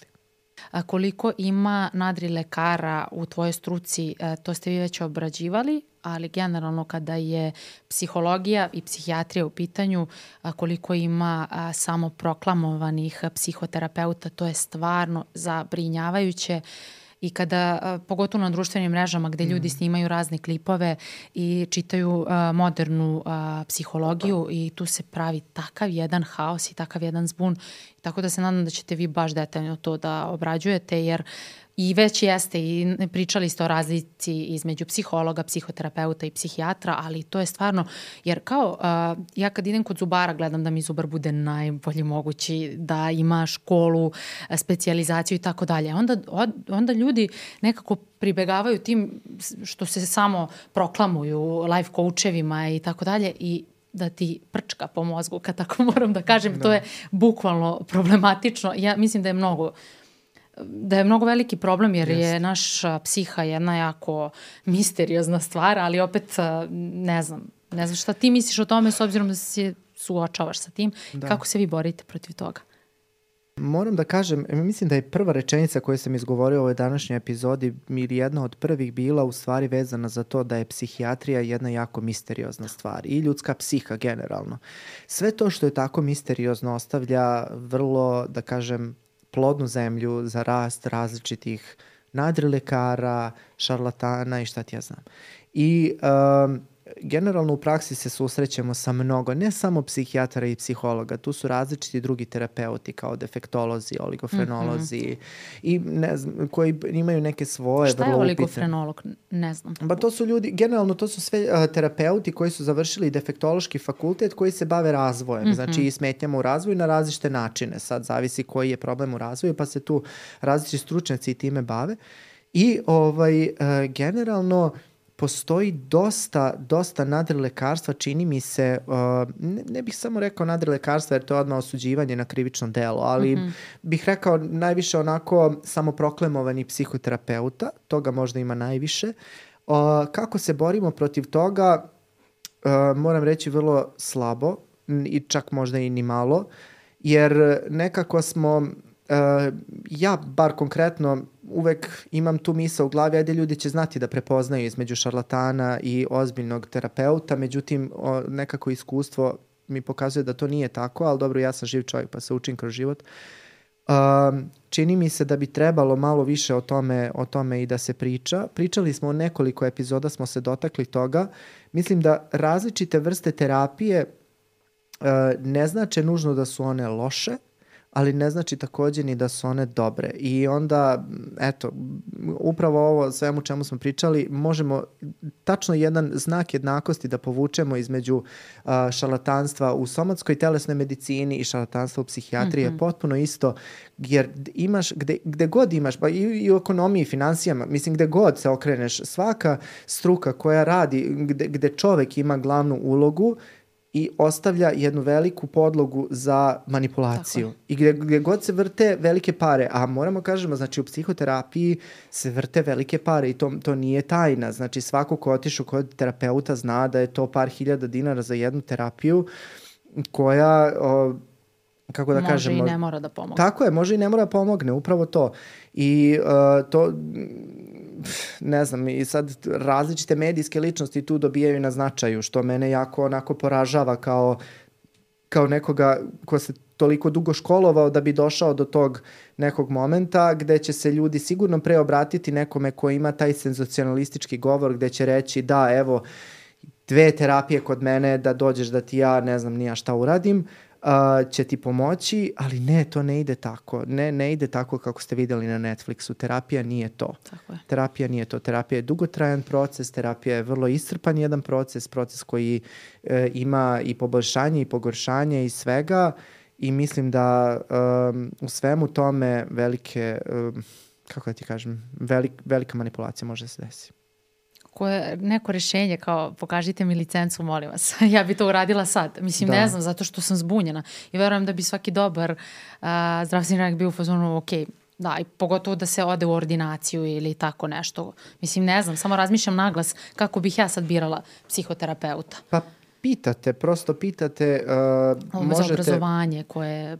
Da, pitate, prvo ljude pitate da vam preporuče nekoga, ali nekog stručnog. Znači, ne nekoga ko je sklon uh, obmanjivanju isto kao što ste i vi, nego nekog stručnog da vam preporuči. Ukoliko to ne upali ili neko ima postoji konflikt interesa, ja recimo kad mi ljudi pitaju da i kao kod koga mogu privatno, ja vrlo čet, nikad ni ne kažem jer je to mislim konflikt interesa, ne želim da sad preporučujem ne, neku kolegu. Ali ovako pitate nekoga, ono vaše prijatelja ako ima dobra iskustva, Druga stvar, pitate osobu kod koje ste došli, koju ona vrstu psihoterapije sprovodi, da li ona je išla na lični rad. To je da. nešto što je jako bitno, jer ne možeš ti da lečiš nekoga ako nisi prošao kroz proces psihoterapije kao ti, kao u, u, u poziciji klijenta. Uh, I tako, postoje načini, da kažem, postoje da, načini okay, da se provere. Imaš, ima, ima, postoje udruženje psihoterapeuta Srbije, udruženje analitičara i tako dalje. Znači ti možeš da ukucaš nečije ime i prezime i vidiš da li je osoba sertifikovani psihoterapeut na internetu. Sada su nam, hvala Bogu, informacije vrlo je lako dostupne i da ukucaš nečije ime i prezime i vidiš da li je ta osoba licencirana i sertifikovana za ono što radi. Super, super. To da se ljudi osmele da pitaju, pošto često isto kao jako je strah ljude da pitaju bilo šta. Sramota. Da. To je iz prakse. Jeste, jeste. Kako ti da dovodiš u pitanje moj... Neči, da, I ako niko tako odreaguje, da, odmah znaš. Mene, da, da, da, odmah znaš da nije da. ti, kako da kažem, da. nije dobra osoba za, za lečenje. Jer neće, ni jedan psihoterapeut, čini mi se, ne bi, uh, mislim da burno da valja, ne bi burno odreagovao da ga ti pitaš, pa dobro, koju vrstu terapije sprovodite, šta ja mogu da očekujem, da. kakvi su vaši tretmani, na šta se to svodi, kakve vrste problema može da reši ta da. vaša terapija. Znači, prosto uh, dajte pare, uh, investirate svoje vreme, no, kako da vam kažem, imate pravo da znate koja su, da imate očekivanja i da, da vam ta osoba da odgovore neke na ta očekivanja. To je to. Ja nemam više dodatnih pitanja. Jovana? Ja sam namirena. Ništa, hvala vam još jednom što ste me pozvali. Bilo mi je prelepo sa vama, stvarno. Takođe. Hvala vam. Hvala tebi što si izdvojio vreme što si podelio sa nama ove razne stvari i iz prakse. Jovana, hvala tebi na ličnom primeru. Ne, hvala. Ja uvijek kažem, kad imamo ove epizode, ja se osjećam kao da je Saška pokrenula ovaj podcast da bi napravila intervenciju za mene, da sređujem svoj život, ono, u svakoj epizodi. ono, preispitamo šta sam radila pogrešno i kako Svi to da ispravim. Svi smo mi ljudi, na kraju da. izlaziš iz ovog podcasta kao bolja, svakog podcasta sledeće kao bolja osoba. Pa kao bolje informisana osoba, bolje definitivno. A ja da, se da. samo opteretim dodatno informacijama i kao nastavljam da kopam po tome i kao, ok, vreme je da prestaneš.